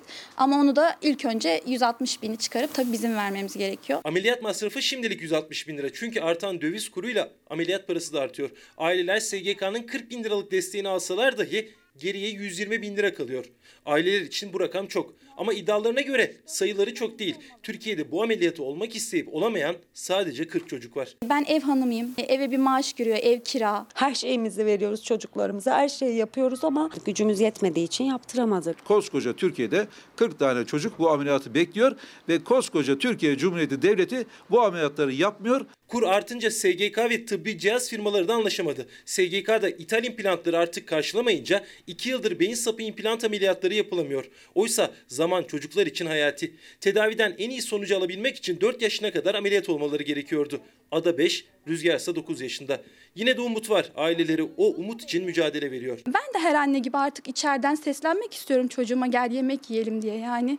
Çok şeyde olmasa gerek bir anne için bu istek. İmkan var ama maddiyat yüzünden siz bunu çocuğunuza karşılayamıyorsunuz yani. Beyin sapı implant ameliyatı bekleyen 40 çocuğun ameliyat masrafı 6,5 milyon lira. CHP'li Levent Gök bu rakam neden karşılanmıyor sorusunu meclise de taşıdı soru önergesiyle. 150 bin 160 bin lira parayı 40 çocuk için bu devlet karşılamıyor mu? Yani yazıklar olsun. Abimin duymasını istiyorum. Rüzgar, Ada ve diğerleri sesini duyuramıyor ama onlar adına aileleri konuşuyor. Belki bir yetkili duyar diye. Bir anneler gününde mesela anneler gününü kutlaması benim için çok büyük bir şey olacak. İnşallah Ada. Evet. Ada da zaten çok hevesli mikrofonlara konuşmaya. Evet çok seviyoruz. Koskoca Türkiye Cumhuriyeti Devleti için küçücük bir kalem. 6 milyon, 7 milyonluk bir gereksinim. 40 tane çocuğumuz var ve bunun bir kez daha hatırlatmasını yapalım. Bir izleyicimiz yazmış, sa- sayın milletvekili, Zonguldaklıyım, Eskişehir'de yaşıyorum, yetim maaşı alıyorum. Babam 35 sene bu devlete hizmet etmiş bir memur emeklisi aldığım yetim maaşı 2500 lira bile değil. Bir başka izleyicimiz, hani gençlerle ilgili o konuya da geçmek istiyorum. Hatta Cumhurbaşkanı Erdoğan'ın dün e, çevrim içi gençlerle bir buluşması vardı. Orada gençlere tavsiyesi oldu. Bir de moda çıktı, yeni moda çıktı. 30 yaştan önce gençler evlenmiyor diye. Bu bir moda mı, bir sonuç mu? Bunu yine birlikte konuşalım istiyorum.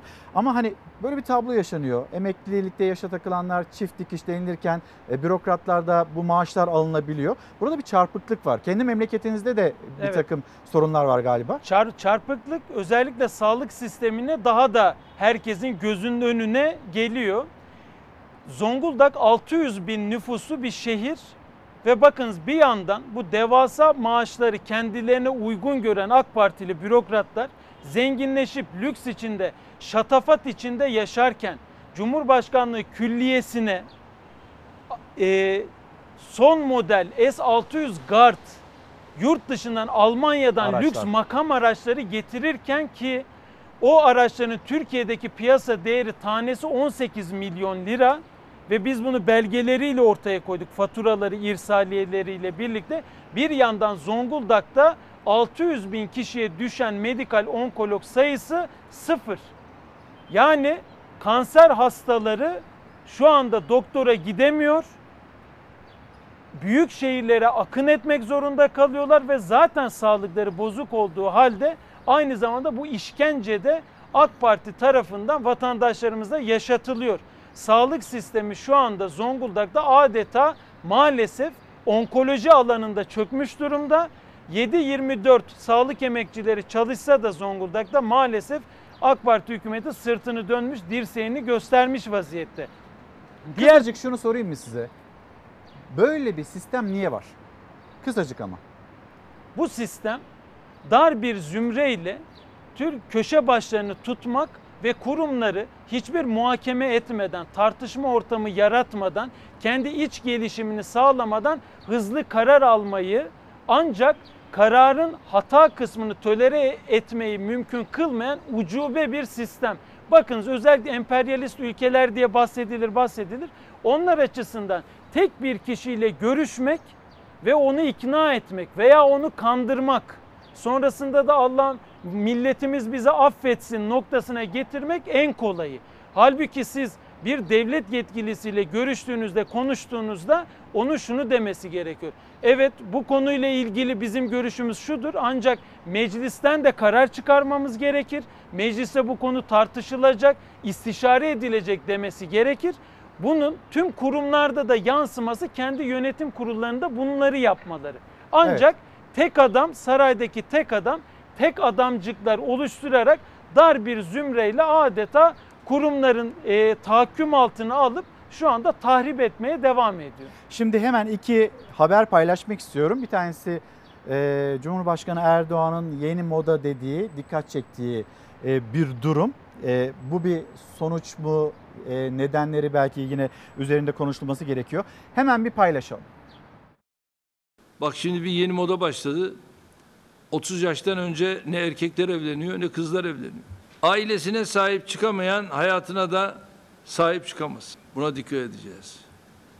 Ve ben inanıyorum ki sizin özellikle evlilikte yaş sürecini çok fazla ile, ilerletmeden, gecikmeden evlenmek bunu hem gençlerimiz için hem kızlarımız için söylüyorum. Ve bir de tabii nikah törenlerinde hep söylerim. En az üç çocuk. Biz gençliğimizde yurt dışına gittiğimizde oraları görürdük. Bizim ülkemiz niye böyle değil derdik. Gelişmiş ülkeleri söylüyorum. Ama şimdi onlar buraya geldikleri zaman diyorlar ki bizim ülkemiz niye Türkiye gibi değil? Ve bizi imreniyorlar. Cumhurbaşkanı Erdoğan'ın dün gençlere vermiş olduğu bu mesajları ve bir de genç işsizliği birlikte konuşalım. Genç işsizlikle ilgili hazırladığımız haber. Biz gençlerin öncelikle iş ihtiyacı var. Bunlara bir an önce çözümlenmesini istiyoruz. Bu yüzden şehir dışından geldim. Üniversite mezunuyum. Bölümüm tıbbi görüntüleme teknikleri. Sağlık çalışanıyım. Ama staj yapacak yer bile bulamıyorum. Her türlü işi yapabilecek konumdayım yani. Çünkü artık kendi bölümüm, okuduğum bölümün işini yapamıyorum. Hiçbir umudum yok. Bir sağlık çalışanı olarak salgın döneminde bile değil iş, staj yapacak yer bulamadı Tolga Anaydoğdu. 22 yaşında umudunu yitirdi. Ankara Büyükşehir Belediyesi'nin zabıta alımı için uzun kuyruğa giren yüzlerce işsiz genç gibi o da diplomalı. Tarım ve Orman Bakanı Bekir Pakdemirli'nin toprağa eşeleyin önerisi ne iş olsa yaparım diyen Aydoğdu'ya hiç gerçekçi gelmedi. Gençlerimiz varsa benim onlara tavsiyem bir yerde mutlaka önce bir toprağa eşelesinler. Eksinler, diksinler, bitsinler. Gerekiyorsa zarar etsinler. Toprak almak gibi bırakın bizim köyde topraklarımızı paramız durumumuz olmadığı için satar olduk. Biz kendimizi çalışıp kendimiz kazanmak istiyoruz ama fırsat verilmiyor bize. TÜİK'e göre gençlerde işsizlik %25,6'ya tırmandı. Yani her dört gençten biri işsiz. Zarar etme pahasına toprakla uğraşmaktan önce üstesinden gelmeye çalıştıkları geçim dertleri var. Gençlerimiz varsa benim onlara tavsiyem bir yerde mutlaka önce bir toprağa eşelesinler. Eksinler, diksinler, bitsinler. Gerekiyorsa zarar etsinler. Çok komik bir şey yani şu anki halimizde yani. Kime başvursak geri çevriliyoruz. Ne kirayı ödeyebiliyoruz, ne masraflarımızı ödeyebiliyoruz. Kendimizi bir de karşılayamıyoruz yani. Uzun süredir iş arıyorum evet. Birkaç senedir arıyorum. Sağlık sürecinde daha da zorlaştı. Yani iş skalası iyice düştü. Bu da işsizlik gerçeğinin bir başka fotoğrafı. Ankara Büyükşehir Belediyesi üniversitelerin hukuk, iktisat ya da yerel yönetimler gibi bölümlerinden mezun 250 kişiyi zabıta olarak işe alacağını duyurdu. Hakim, savcı ya da kaymakam olma hayaliyle mezun olan binlerce genç başvuru için bu kuyruktaydı. Ortalama 5400 lira maaş için KPSS puanlarına göre 1250 kişi mülakata çağrılacak. İş bulmanın zor olduğu günlerde hem özelde hem kamuda 250 adet zabıt alımı gerçekten çok iyi. Osmaniye'den geliyorum buraya. İnternetten gördüm başvuruyu. İlk günden geldim zaten sabahtan itibaren. Sayın Cumhurbaşkanı'nın gençlere tavsiyesi 3 çocuk bir de e, yeni moda çıktı. E, 30 yaşından önce evlenmiyorlar dedi. Yurt dışından gelen gençler Türkiye'ye imreniyor. Hani verdiği mesajlardan birisi bu. Bir yandan da yaşadığımız genç işsizlik. Ne dersiniz? Acaba moda mı yoksa zorunluluk mu? Yıl 2021 e, Sayın Cumhurbaşkanı hangi çağda yaşadığımızı unutmuş durumda. Hala gençlere akıl verme peşindeler. Oysaki gençlerden akıl almaları gerekiyor. Türkiye gençlere maalesef AK Parti hükümetleri nefes alma şansı vermiyor. Onların yaşam alanlarını daraltıyor. Geleceğe dair umutlarını yok ediyor. Adeta gençler bir geleceksizler ordusunu oluşturmuş durumda. Ve bir yandan da onları eve hapsediyor. Bakın bir örnek verelim. Millet bahçeleri millet bahçeleri açıyoruz diyorlar. Bir düzenleme yani zannedersiniz ki bir orman yapıyorlar. Orman kuruyorlar gibi anlatıyorlar ve e, büyük büyük teşekkürler bekliyorlar. Ben Yıldız Teknik Üniversitesi mezunuyum. Elektrik mühendisliği mezunuyum. Yıldız Teknik Üniversitesi'nin Davutpaşa kampüsünde öğrencilere ait olan kampüs alanını part-time olarak hafta sonları millet bahçesi olarak öğrencilerin kullanımından çıkarmış durumdalar. Öğrenciler feryat ediyor. Diyor ki burası bizim sosyal etkinlik alanımız. Biz burada bedenen gelişimimizi sağlayacağız. Hobilerimizi yapacağız, yeteneklerimizi, sporumuzu, etkinliklerimizi, sanatsal etkinliklerimizi yapacağız. Biz burada çalışmak, burada olmak istiyoruz ve bu durum üniversitenin özelliğiyle doğrudan ilgili diyorlar. Hepsi AK Partili yetkililerin kulaklarını tıkamış durumdalar. Bir üniversitenin de öğrencilere ait bir alanı dahi piknik alanı mangal alanına çevirecek bir bakış açıları var. Gençlerimiz işsiz bir üniversiteden mezun olacak, bölümlerine göre mezun olacak gençlerimize uygun bir gelecek ve iş sektör planlaması yapılmıyor. Bir yanda bu yapılmıyor, diğer yanda AK Partili yetkililerin alnından bir ter damlası düşmemiş evlatları lüks arabalarla şatafat içinde yaşamaya devam ediyor. Derken hani bu ifadeyi hepsi için kullanmamak gerekiyor ama hani ehliyet derken, liyakat derken e, bir Alnından tarafta ter dam- torpiller, torpillerden de bahsederken e, hani diğer çocuklarımızı hatırlatmamız gerekiyor. Onların ne kadar mücadele verdiğini, KPSS'ye girip aldıkları puan ama işte ne bileyim mülakatlarda eleniyor olmalarında yine hatırlatmamız Yani gerekiyor. öyle bir öyle bir daralt, daraltılan bir yaşam alanı var ki gençler için Türkiye'de. Bakın Türkiye internet hızında sabit e, bir e, sistem üzerindeki hızda dünyada 102. ve mobil internette ise 57. Düşünün ki dünya ile entegrasyonunuz böylesine sınırlanmış bir vaziyette. Evet. Bütün ülkenin düşünme hızının sıralamasının bu olduğunu düşünün. Dolayısıyla da gençlerimiz iş bulamayınca da bulabilenler ancak yurt dışına kaçıyor veya asgari ücret veya altında çalışmak durumunda bırakılıyor ve e, bir noktada da bu devasa tutarlarda aylık aylık gelire sahip olan birden çok yerden maaş, ücret, prim, huzur hakkı, kar payı alan AK Partili bürokratların yaşantılarıyla da yan yana gelince gençlerimiz isyan etme durumuna geliyorlar. Ancak bu düzen değişir mi? AK Parti'nin yarattığı bu çarpık sistem ortadan kalkar mı? Evet kalkar.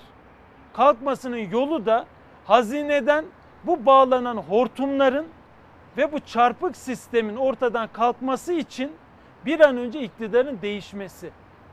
Ve İktidar seçim değiştiği anda yapıyorsunuz siz de muhalefet Tabii en olarak. yakın zamanda yapılacak erken seçimde de gençlerin e, umudu, geleceği, o Evet. gelecek kapısı aralanacak ve kendi yetenekleri doğrultusunda eğitim almaları ve bu yetenekleri doğrultusunda aldıkları eğitimle edinecekleri işle birlikte bir refaha kavuşup sağlıklı aileler kurmaları o gün ancak mümkün olacak. Bugün itibariyle insanlar hayatta kalmaya çalışıyorlar. Nefes almaya çalışıyorlar Maalesef ve öyle. eve hapsedilmiş durumdalar. AK Parti'nin eğitim politikası ve gençlerle ilgili politikası maalesef şu anda gençler konuşmasın, gençler tepkilerini dile getirmesin ve 30 yıl 40 yıl önceki kendi gençlik dönemlerinde Türkiye nasılsa AK Parti'nin e, yetkilileri şu anda gençleri o alana sıkıştırmaya çalışıyor. Oysa biz gençlere yol göstermek değil, onların bize gösterdiği yoldan onlarla birlikte yürümek durumundayız. Siyasetin çok daha önünde gençler ve onların vizyonuyla Evet. yol alınsa aslında Türkiye çok daha aydın bir geleceğe kavuşacak. Efendim teşekkür ederim geldiğiniz için. CHP Zonguldak Milletvekili Deniz Yavuz Yılmaz'la konuştuk altın bürokratları. Ben kendisini uğurlarken esnafımızın yaşadığı sorunlar ve daha doğrusu esnafın muhalefet milletvekillerine ilettiği problemler ve yine Cumhurbaşkanı Erdoğan'ın teşkilatına ve AK Partili milletvekillerine hangi konuda yaptığı bir çağrı var onu da paylaşalım. Başkanım hoş geldiniz. Torna ustası yağlı elleriyle tokalaşmaktan çekindi ama CHP lideri ellerini buluşturdu. Kılıçdaroğlu belediye başkanları kampı için gittiği Gaziantep'te esnafın, çiftçinin, küçük sanayicinin derdini dinledi. Babacan Isparta'da. Pazarın haline bak üretip geliyoruz 1 liraya alamıyor tüketici. Çözümler de burada ama bir seçim gerekiyor. Sandığı getirmiyorlar. Korkuyorlar. Er ya da geç gelecek. Biz işçi bulamıyoruz. Adama ne diyor bana sigorta yaptırabilir misin? Ben kendi bağkurumu yatıramıyorum ki sana sigorta yaptırayım. Primlerin makul olması lazım. Tarlamızı sürecek mazot alamıyoruz. Mazotun litresi 7,5 lira olmuş. Ektiğimiz ürünü satıp da yerine mazot alamıyoruz. Bizim yaşamış olduğumuz şu an durum asgari ücret 2825 lira. Ben ay sonunu getiremiyorum. Ben CHP oy vermedim ama oyumu vereceğim inşallah. Az önce bir dostla konuşuyordum. Bir şey söyledi bana bulunduğu ille alakalı. İlimizin milletvekilleri ilimize uğramıyorlar dedi. Muhalefet liderleri ve milletvekilleri illerde, ilçelerde esnafla, çiftçiyle çok daha sık buluşurken Cumhurbaşkanı Erdoğan da AK Partili vekillerin seçim bölgelerine uğramamasına ilişkin kendisine yöneltilen sistemi dillendirdi. Teşkilatı doğru dürüst görmüyoruz dedi. Bütün hafta salı, çarşamba, perşembe Ankara. Ama bunun dışında nerede olması lazım? Milletvekili arkadaşlarım dağ taş demeden her yeri dolaşmaları lazım. Belediye başkanlarımız aynı şekilde. Ben okumayı çok istiyorum. Lise okuyorum aynı zamanda. Ama önüm kapalı olduğu için geldim burada abimle birlikte. Ben de üniversite mezunuyum burada sanayide dükkan açtım. Gübre ikiye katladı. İlaç ikiye katladı.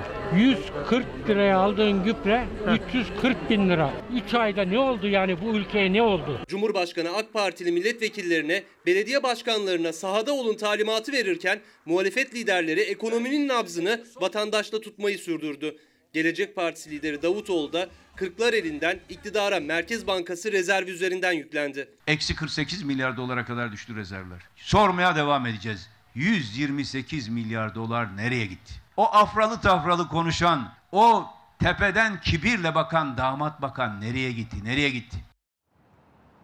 Şimdi Cumhurbaşkanı burada bir şaşkınlık yaşıyor ve bölge milletvekilleri, AK Partili milletvekilleri onlara, teşkilata bir mesaj veriyor. Çıkın, halkın arasında olun, yaptıklarımızı anlatın. Ama yani Cumhurbaşkanı'nı da şaşırtan bir tablo var. Milletvekilleri Ankara'da mesai yapıyor. Mesaileri bittiğinde evlerine gidiyor, memleketlerine gidiyor. Ama çarşı pazarda ya da ne bileyim esnafı dolaşırken bu milletvekillerini görmüyoruz diyordu muhalefet. Muhalefet bu cümleyi kurduğu için eleştirilirken işte Cumhurbaşkanı'ndan kendi milletvekillerine çıkın sokakta olun talimatı. Şimdi gelen mesajlar ee, Osman Bey günaydın diyor ki 30 yaşında evlenme moda değil. Evlendikten sonra ev kirası, mutfak masrafları, faturalar, ulaşım hani tavsiye 3 çocuk. Peki o çocuğun beslenmesi, 3 çocuğun beslenmesi, eğitimi asgari ücret bu ülkede 2825 lira. Asgari ücretlinin geçinemediğini biliyorlar mı acaba? İşte bu mesajı bizimle paylaşmış. Emeklerimizden çok sayıda mesaj var. Yine aynı zamanda müzisyenler esnafımızın yaşadığı sorunları anlatırken müzisyenlerimize nasıl destekler geldiğini, yerel yöneticilerin nasıl desteklemeye çalıştığını onu da paylaştık sizlerle. Bir buçuk yıldır perişanız, çocuklarımız var, ailelerimiz yüzlerine bakamaz duruma geldik. Hani bir takım teşvikler bin lira, üç bin lira bunlar yetmiyor ve bizim yaralarımıza merhem olmuyor. Naciye Hanım'ın gönderdiği mesaj. Tülin Karaağaç teşekkürler ve bizimle birlikte hem biz hem de Türkiye'nin gündemini takip alan izleyicilerimizden birisi. Şimdi akşam gazetesine geçmeden önce hemen bir kitap çalışması Aladağlar Kuzey Cımbar Vadisi Ramazan Bozkurt ve Narpuz Vadisi yine Ramazan Bozkurt'a ait. Karayalak Vadisi işte böyle derlemeleri var Ramazan Bozkurt'un bizimle de paylaşmış fotoğraflar, zirve, bu zirvelerle ilgili bilgileri de bizimle paylaşıyor bu kitabıyla birlikte. Gösterdikten sonra Akşam Gazetesi diyelim. Akşam Gazetesi'nde gurur veren enkaz nedir? Sanayi ve Teknoloji Bakanı Mustafa Varank ilk milli gemi savar füzesi Atmaca'nın test atışı sırasında tam isabetle vurduğu hedef geminin son halini paylaştı. Ve işte o geminin son hali fotoğraflarda Varank'ın füzemiz çok güçlü ve etkin notuyla paylaştığı görüntülerde geminin aldığı ağır hasar açıkça görülüyor. Gemi testin sonunda Karadeniz'e gömülmüştü ve şimdi atmaca kabiliyeti. Vatanın çelik kılıcı atmaca. Ateş!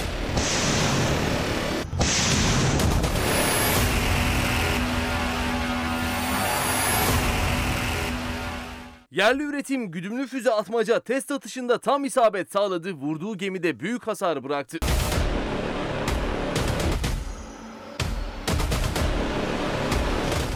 Cuma günü ilk milli güdümlü gemi savar füzesi atmaca için test günüydü. Füze ateşlendi, hedefini tam 12'den vurdu.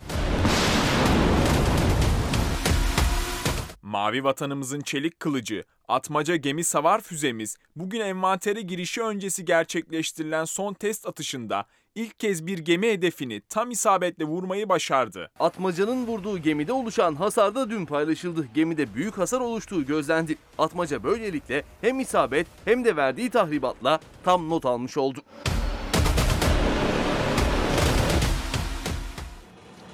Hemen bir Korkusuz Gazetesi, Korkusuz Gazetesi'nin manşetine baktığımızda Bir Gün Gazetesi'nin ilk sayfasında gördüğümüz haber yine Korkusuz Gazetesi'nde yer alıyor.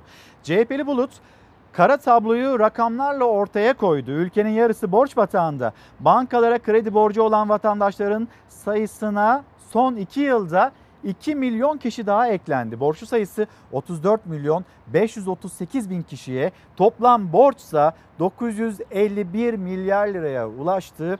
Ülkenin yarısı borç batağında.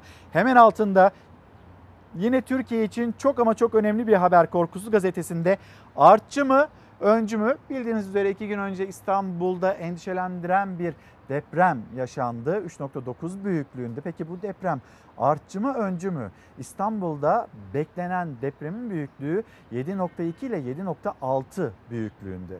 Peki acaba önümüzdeki yıllar, önümüzdeki günler fay hatlarındaki hareketlilik nedir? İstanbul depreminin inceleme raporu hazırlandı. Deprem uzmanı Doktor Gündoğdu bu ne öncü ne artçı diyebileceğim bir deprem sözleriyle halkı rahatlattı. Burada biraz böyle nefes alıyoruz ama biz acaba 7.2 ya da 7.6 büyüklüğünde bu deprem olacak. Bu büyüklükte bir depreme ne kadar hazırlıktayız? Bakın İstanbul'da 3.9 büyüklüğünde bir sarsıntı, bir deprem bile binaların kolonlarını çatlattı. Deprem mi oluyor?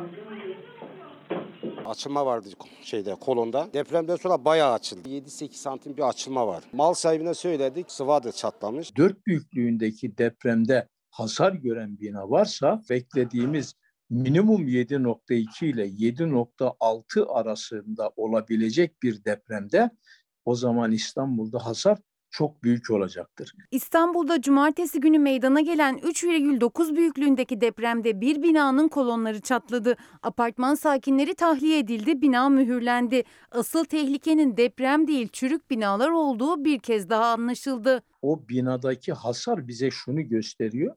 İstanbul'daki yapı stoku büyük ölçüde deprem güvenli değil. İstanbul'un depreme ne kadar hazırlıksız olduğunun ve kentsel dönüşümün nedenli ihmal edildiğinin göstergesi aslında bu bina. 80'li yıllarda yapılan Pendik Kaynarca'daki bu bina 3,9'luk depremle hasar aldı, kolonları çatladı ve apar topar akşam saatlerinde boşaltıldı. 3,9'luk depremin merkez üssü İstanbul Kartal'dı. Komşu ilçe Pendik'teki bu apartmanda derin çatlaklar oluşturmaya yetti. Deprem profesörü Naci Görür'e göre bölgeye yönelik uyarıları 20 senedir yapıyorlar ama kentsel dönüşüm doğru ilerlemiyor. Biz 1999 depremlerinden sonra Marmara'da araştırmalar yaparken o yöredeki yerel yönetimleri uyarmıştık. Kentsel dönüşümü öncelikle depremde en büyük zayiatı alacak yerden başlatmanız lazım. Halbuki İstanbul'da yapılan kentsel dönüşümler rantın en fazla olduğu yerlerde yapıldı. Yapı kayıt belgesi vermeyle, mantolamayla bu binalar böyle güzel göründüğüne bakılmasın. Ben daha önce başka bir binada oturuyordum. 9 katlı. 99 depreminde yapan müteahhide sordum dedim siz burada oturur musunuz müteahhide? Dedi ki ben dedi bu bina yapılırken depremin ne olduğunu bilmiyordum dedi. Ben oturmam dedi. Halbuki kar kaygısı bir tarafta olmalı. Ben bu binadan çoluk çocuğumla sağ çıkabilir miyim kaygısı ön plana çıkmalı. Büyüklüğü dördün altında ölçülen depremde bile büyük zarar gören bu bina tek değil. İstanbul çürük binalarla dolu. Uzmanlara göre geç olsa da ders alınmalı. 21 sene geçti. Bizim şimdi bu bunları konuşuyor olmamamız gerekirdi. Bu depremler bizi uyarıyor olsun. Bunlardan ders alıp yapacağımız işi daha doğru bir an önce yapmaya bizi yöneltsin. Hocalarımız uyarıyor. Binaların hali belli. Yani bizim hızlı bir şekilde kentsel ama rantsal değil, kentsel dönüşüm yapmamız gerekirken proje Kanal İstanbul. 26 Haziran'da Kanal İstanbul'un ilk köprüsünün temelini atacağız. İstanbul'un gündeminde beton kanal yoktur. Hiç kimse Kanal İstanbul olayına girmesin. Parasını vermeyeceğiz. Müteahhit firmaya sesleniyorum. Sakın ha sözleşme hukuku var devletle sözleşme yaptığınız diye düşünmeyin. İktidar gittiğiniz gün bunun maliyeti size ödettirilir. İktidar Kanal İstanbul için geri sayım başlattı, muhalefet ses yükseltti. CHP'den ve Gelecek Partisi'nden ihaleye girecek firmalara uyarı geldi. 26 Haziran'da projenin ilk köprüsünün temeli atılacak. Ahmet Davutoğlu'na göre o köprü için de ihaleye çıkılmadı. Cumhurbaşkanına söylüyorum. Ulaştırma Bakanı'na söylüyorum. Suç işliyorsunuz, suç. Bütün engellere ve engellemelere rağmen Türkiye'nin stratejik hamlesi olan bu projeyi yalnızca ülkemize değil, dünyaya kazandıracağız. Yapım ihalesi yapılmamış bir projeyi başlatmak suçtur. Yasal bir suçtur. Bunun hesabını verirseniz daha önce yapılmış bir deplase ihalesini köprü ihalesine çevirmek suçtur. Çünkü mahiyeti değişen yerde ihalenin yenilenmesi gerekir. Ulaştırma Bakanı Adil Kara İsmailoğlu 26 Haziran için net konuştu. Ancak Gelecek Partisi Genel Başkanı Ahmet Davutoğlu'na göre ihale olmadan köprü temeli atılması suç. CHP lideri Kemal Kılıçdaroğlu ve Halk TV'ye konuşan İstanbul Büyükşehir Belediye Başkanı Ekrem İmamoğlu ise sadece köprü değil, projenin geneline yatırım yapmayı düşünen tüm müteahhitlere seslendi. Bu işe niyet eden, bu işe para veririm, bu ülkeyi borçlandırırım diyen her aklın oturup bin kez daha düşünmesini öneririm. Ha diyorlarsa ki biz gireceğiz. Allah'ın izniyle iktidar olduğumuzda bir sefer onlarla ilişkiyi keseceğiz. Ülkesiyle de ilişkiyi keseceğiz. Kardeşim siz bizim devleti soyuyorsunuz. Ben soyguna göz mü yumacağım? Özellikle yurt dışında projenin ilgi gördüğünü sık sık dile getiriyor hükümet. İlk köprünün temeline 6 gün kala tartışmanın çerçevesi uluslararası boyutta. Bunun muhatabı ne bu ülkede ne de uluslararası düzeyde olamaz. sonsuz mücadelemizde vermeye devam edeceğiz. 83 milyon kişi bir avuç haramzadeye hizmet edecek konuma getirilemez. Türkiye Cumhuriyeti Devleti talan edilecek bir ülke değildir. Hep beraber Kanal İstanbul'a karşı direnmek zorundayız. Karar Gazetesi'nde İbrahim Kahveci imzalı dikkat çeken bir haber var. Paylaşmak istiyorum. Binali Yıldırım hazine garantili Yavuz Sultan Selim Köprüsü'nün 10 yıl 2 ay yapım ve işletim süresinin dolduğunu bildirdi. Sürenin Ağustos 2023'te dolup köprünün devlete geçmesi gerekiyor. Ancak bu haberin bir ancağı var. 4 yıl için ek işletim süresi verildiği kamuoyuna yansıdı. Geçen yıl Çin'in süreci dahil olması da işletme süresi 2 yıl içinde bitecek olsa neden devreye girsinler değerlendirmelerine yol açtı. 4 yıl ek süre için devletten 3.2 milyar dolar daha çıkacak olması da tartışmaları arttırdı. Çocuklarımız var 40 tane onların işitme cihazına ihtiyaçları var. 6 milyon 7 milyonluk bir paradan söz ediyoruz. Ama diğer tarafta 3.2 milyar dolar. Böyle bir bütçe. Müteahhit 3. köprüyü bırakmıyor. Şimdi bir memleket turu yapalım. İzmir'e gidelim. İzmir'de Gaziemir ve Buca'da yaşanılan bir zehirlenme, içme suyu şebekesinden kaynaklandığı iddiası var. Onu paylaşalım. Benim 5 tane çocuğum sokak ortasına bayıldı ya resmen bayıldık. Acil servis zehirlenme belirtileriyle gelenlerle doldu. İzmir'in Gazi Emir ve Buca ilçesinde içtikleri şebeke suyundan sonra fenalaştıklarını anlatan insanlar geceyi serumlarla hastanede geçirdi. Kusma ve mide krampları yaşayanların arasında çok sayıda çocuk ve bebek de vardı. Eşim de bu çocuk, sudan içmiş, çocuklar da içmiş. Ee, Eşimin suyun lahın kokusu ve doğalgaz kokusunun geldiğini söylüyor. Çocuklar zaten bunu içtikten sonra bu sorunu yaşamaya başladı. Hastaneye gelenlerin çoğu aynı belirtileri yaşıyordu ve hepsi de suyun tadındaki sorundan ve çok kötü koktuğundan bahsetti. Bulantı, kusma, kramp ve baş dönmesi ortak belirtiler arasındaydı. Muharrem Kökalan adlı vatandaş 5 çocuğunun da içtikleri sudan sonra fenalaştığını söyledi. Benim 5 tane çocuğum sokak ortasına bayıldı ya resmen bayıldı kustular. Şu an hastaneye gelmişiz ama hastane tıklım tıklım. Bir vatandaş da şebeke suyunu çay demlemek için kullandığı kaynayan suyun yüzeyinde tortu gördü önce. Çayı içtikten sonra rahatsızlandığını anlattı. Çayın üzerinde hafiften böyle bir tortu oluşmaya başladı kaynayan suyun içinde. Ben içtim biraz böyle bir tadına baktım. Tam da içmedim yani yarım çay bardağı falan içtim. Ondan sonra bir inceden böyle bir mide bulantısı gelmeye başladı. Zaten bıraktım. Ondan sonra baktım fenalaşıyorum. Aşı vurulmak için zaten hastaneye gelecektim. Burada doktora sö- söylememle direkt beni zaten seruma bağladı. Şebeke suyunu içmek için kullananlar fenalaştı. Çamaşır yıkayanlar da kıyafetlerinin üzerinde kötü bir koku kaldığını ifade etti. Hastalanan insanlar yetkililerden bir açıklama beklerken İzmir Su ve Kanalizasyon İdaresi İSSU sosyal medya hesabından teknik arıza duyurusu yaptı. Ardından sorunun giderildiğini, yapılan analizlerde insan sağlığına zararlı bir madde bulunmadığı paylaşıldı. Buca ve Gaziemir'de insanlar suyun neden koktuğuna, içenlerin neden fenalaştığına dair ayrıntılı açıklama bekliyor.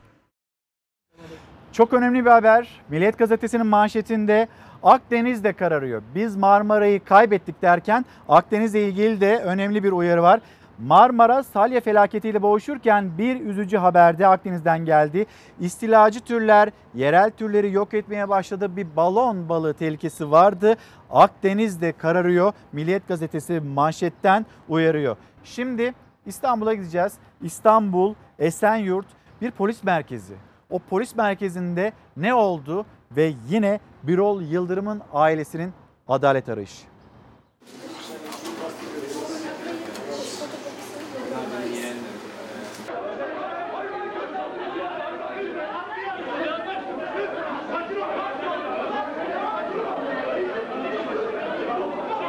Tane tanığımızın da anlattığı gibi her şey harfiyen uygulanmış. 11 tane polis belki daha fazla üzerine bir anda çullanıyor. Boğazına yapışıp duvara yapıştırılıyor. Tekmeler atılıyor. Ters kelepçe yapılıp mutfağa götürülüyor. Personelinin durumunu öğrenmek için girdiği karakolda hayatını kaybetti. İddiaya göre özel güvenlik amiri Birol Yıldırım'ı öldüren polis şiddetiydi. O şüpheli ölüm gecesine ait güvenlik kamerası görüntüleri çıktı ortaya. Yıldırım'ın ailesine göre görüntüler iddialarını doğruluyor.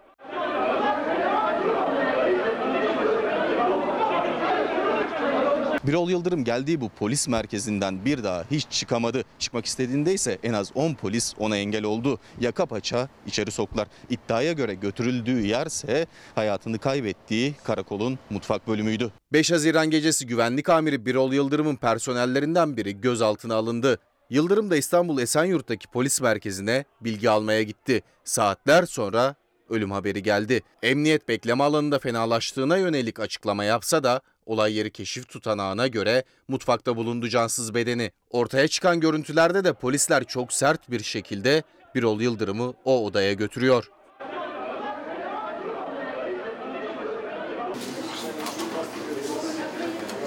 Polisler elleri kanlı şekilde çıkıyor ve ellerine buz tutuyorlar. Neden tutuyorsunuz o buzları ve elleriniz neden kanlı? Kıyafetler neden kanlı? Babam neden mutfakta? Bekleme salonunda öldü dediniz, yalan konuştunuz. Neden mutfaktan çıktı? Bu polisler sırayla değişiyordu. Dövmeye devam ettiler. Birol bana doğru düştü. Ardından yere yüzüstü düştü. Nabzını kontrol ettiler. Nabız alamadılar. İyice bir temizlemişler, hazırlamışlardı. Ama ona rağmen e, kulaklarından, burnundan kan geliyordu. Bunun üstü zaten aşırı derecede kırıktı ve kanlıydı, ezikti. Tanıkların verdiği ifadeye de yansıdığı gibi polislerden biri o odadan çıkarken diğeri giriyor görüntülerde. Mutfak bölümünde ise kamera kaydı yok. 3 çocuk babası 42 yaşındaki Birol Yıldırım'ın ailesi şüpheli buldukları ölümün peşini bırakmamakta kararlı. İçişleri Bakanı Süleyman Soylu da aileyi arayarak o gecenin takipçisi olacağını söyledi ama ortaya çıkan görüntülere rağmen ne emniyetten ne de bakanlıktan yeni bir açıklama var. Sizin oğlunuz benim oğlum dedi. Ben peşini takip edeceğim dedi. Bugün babalar günü. Ben babalar gününü yalnız geçiriyorum. Dayanabileceğim, güvenebileceğim bir babam kalmadı. Onların bir an önce içeri alınmasını istiyorum. Çünkü benim canım çok yanıyor. Bir mola hemen döneceğiz. Günaydın bir kez daha. Bugün için nokta koyacağız. Kapatmadan iki kitap daha göstereyim hemen sizlere. Nur Viral, İnsanlık Hali, Gerçek Hayattan Yaşam Öyküleri ve bir köy öğretmeninin kaleminden ilham veren başarı hikayesi Dilek Livaneli. Bir dilek yetmez. Eğitimin Nobel'ine aday gösterilen dünyanın en iyi öğretmenleri listesine adını yazdıran ilk Türk Dilek Livaneli ve bizimle paylaşılan kitabı. Efendim kapatırken her zamanki gibi teşekkürümüz sizlere. Bizi izlediğiniz için teşekkür ederiz. Yarın bir manikeder olmazsa bizler yine saatler 8'i gösterdiğinde karşınızda bu ekranda Fox ekranında olacağız. Şimdilik hoşçakalın, güzel bir gün olsun.